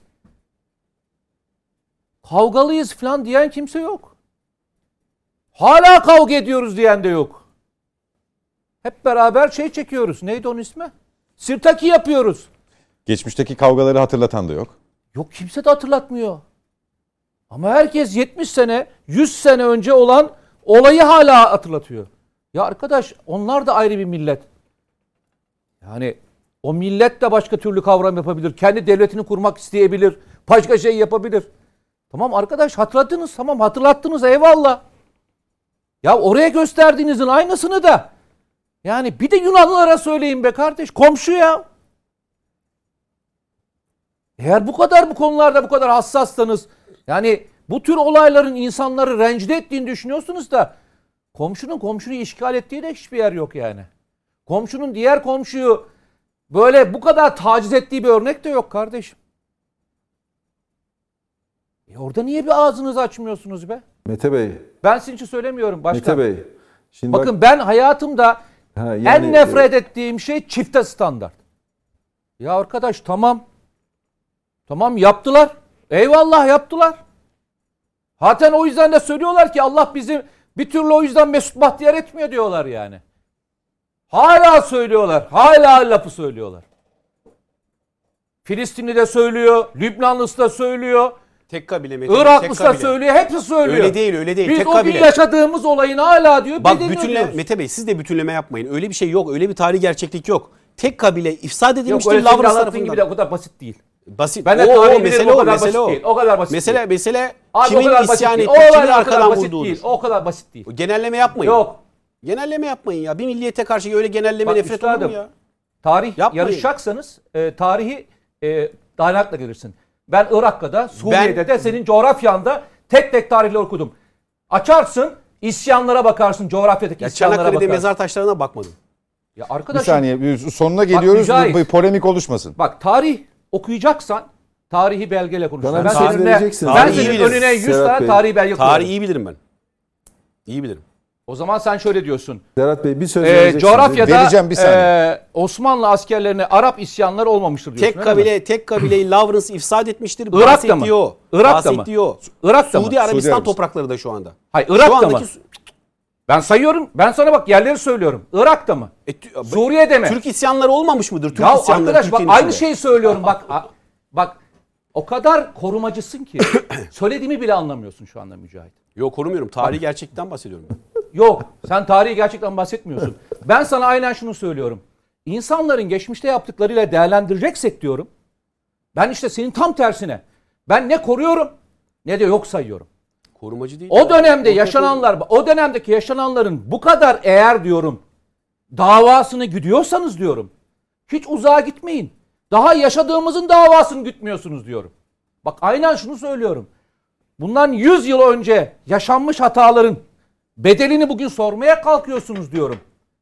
O zaman bugün yaşananları niye yok sayıyorsunuz diyorum. Bak ben aynen şunu söylüyorum. Coğrafyanın içerisinde bir sürü şey yaşanır. O zaman da yok sayamazsınız, bugün de yok sayamazsınız o zaman. Bu kadar çifte standarttan nefret ediyorum ben diyorum. Yaşananların her birinin içerisinde işin mezhepsel, işin dini, işin etnik problemleri olmuştur. Dünyanın her coğrafyasında olmuştur. Her zaman da böyle yaşanacaktır. Ama ben hayatımda bu kadar çifte standart görmedim. Peki. Batı, Batı emperyalizmi bu ülkede her şeyi yapabilecek ağzını açmayacaksınız. Amerika Birleşik Devletleri Yunan işgalinin fonlayıcısı olacak. Tarih kitabında yer almayacak. Tarih kitaplarında ismi bile geçmeyecek. Benim memleketim Samsun'u bombalarken Yunanlılar ona eşlik edecek olan gemiler Amerikan gemileri olacak. Tarihin hiçbir sayfasında yer almayacak. Tamam mı? Ama dönüp dönüp bu tarafa laf söyleyeceksiniz. Yok öyle şey arkadaş. Eğer çifte standartsa çifte standartsa ben buna karşıyım. O zaman açacaksınız şimdi de söyleyeceksiniz. Bu kadar eğer şeyseniz, milliyetçiyseniz, bu kadar milliyetçiyseniz senin haklarını gasp eden, hala gasp etmeye devam eden, hala seninle savaşmanın eşiğinde olan, senin karşında bir ittifak oluşturmaya çalışan Yunanlara niye tek laf etmiyorsunuz arkadaş? Komşu komşu komşu. Peki. Ha? Bir e, tamamlamak durumundayım. E, Öztürk Bey Yazık. 30 saniye falan yani çok süre veremeyeceğim. Çok kısa lütfen. Yeni bir po- polemik oluşmasın rica Şimdi ediyorum. Bir kere e, tamam e, oluşmasın. Bir kere ben benim e, yani bu muhalefetteki insanlara söyleniyor diye benimle bir alakasının Yok, ben olmadığını size hiç- Yo, belirtmek sizi Ben kastetmediğini Ben belirtti size zaten. bahsetmediğimi söyledim Evet. özellikle. He. Evet yani çünkü e, bu Amerikan emperyalizmine de e, Avrupa'nın bütün oyunlarına da çok sert e, karşı duran bir kişiyim ben. E, Hatta Ege'deki ada adacık ve kayalıkların işgalini gündeme getirdiğim zaman bu hükümet onları örtmeye çalışıyordu. Dolayısıyla kimin milli kimin milli olmadığını toplum iyi biliyor. Artık benim söylediklerimle Mücahit Bey'in söyledikleri tabii Mücahit Bey'e yani hamaset e, yapıyor da demek istemiyorum. Programlarda da birlikte oluyoruz bazen. Kırmak da istemiyorum kendini ama Mücahit Bey ben iyi bir diplomatım. Yani bir şey söylüyorsam e, boş konuşmam. Hiçbir zaman altını dolduramayacağım bir şey söylemem. Siz yine dikkat edin. E, Arap seviciliğini de e, yapmamak lazım. Yunan seviciliğini de yapmamak lazım. Amerikan seviciliğini de. Türk milletini sevmek en mü- mükemmel şeydir. Ben Türk milletinin bir Hamasetin perde olduğum için şimdi. gurur duyuyorum. bir- Hamasetin Vatanıma da- dik alasını görüyorsunuz şu anda. Ha, vatan, Arap seviciliği falan demeyin yok, öyle bir şey hamas, yok. hamaset Bakın değil. yine Türk ırklara- milletini de sevmiyormuş gibi bir şey Yine ırklara, ya öyle bir şey olabilir mi? Yine ırklara indirgediniz. Biz milletimize aşığız ya aşığız be. Tamam bir- lütfen polemik oluşmasın. Tamamlayın e, Öztürk Bey. Ee, e, Dolayısıyla burada önemli olan kendi ülkenin çıkarlarını savunmaktır. Nasıl ki bir zaman Suudi Arabistan kralı geldiği zaman devlet töreniyle karşılanan Suudi Arabistan'ın e, veliaht prensi geldiği zaman ilişkiler gerildiyse bugün eğer ilişkileri dikkatli götüremezseniz stratejik yatırımlarınızı kaptırırsanız yarın Katar'da öyle bir oğul gelir ki o da sizin ilişkilerinizi ters ters yüz eder. Bu devlet işleri hamasetle yürümez. E, kişilerle yürümez. Kişiler peki. kolaylaştırır, güzel götürür ama hep çıkarlar öne e, öne almak gerekir. Ben şahsen hükümetin de e, diğer insanların da e, duyarlı davranacağını e, umut ediyorum ve Katar, e, Kanal İstanbul konusunun e, Kanal İstanbul olarak kalmasını e, diliyorum. Bir e, bunun ötesinde Katar İstanbul'a veya Arap İstanbul'a dönüşmemesini umut ediyorum. E, Aksi takdirde e, buna da itirazlar gelir. Bu ülke onların da sizin de bizim de hepimizin e, hassasiyetlerimizde de dikkatli olursak iyi olur diye düşünüyorum. Peki çok teşekkürler Sayın Yılmaz katıldığınız için. Sağ olun. Mete Yarar Çok teşekkür teşekkürler. ediyoruz. Geldiğiniz Bu için arada Mücahit Bey çok e, sağ olun. Herhalde ara veriyoruz değil mi? Ee, Onu da bir söyleyelim hafta. değil mi? Bir hafta, ara vereceğiz. ara yani vereceğiz. önümüzdeki hafta Sonraki olmayacağız. hafta Evet. e, yeniden birlikte olmayı e, umuyoruz izleyicilerimizle. Net Bakış'ta. Hoşçakalınız efendim. İyi geceler.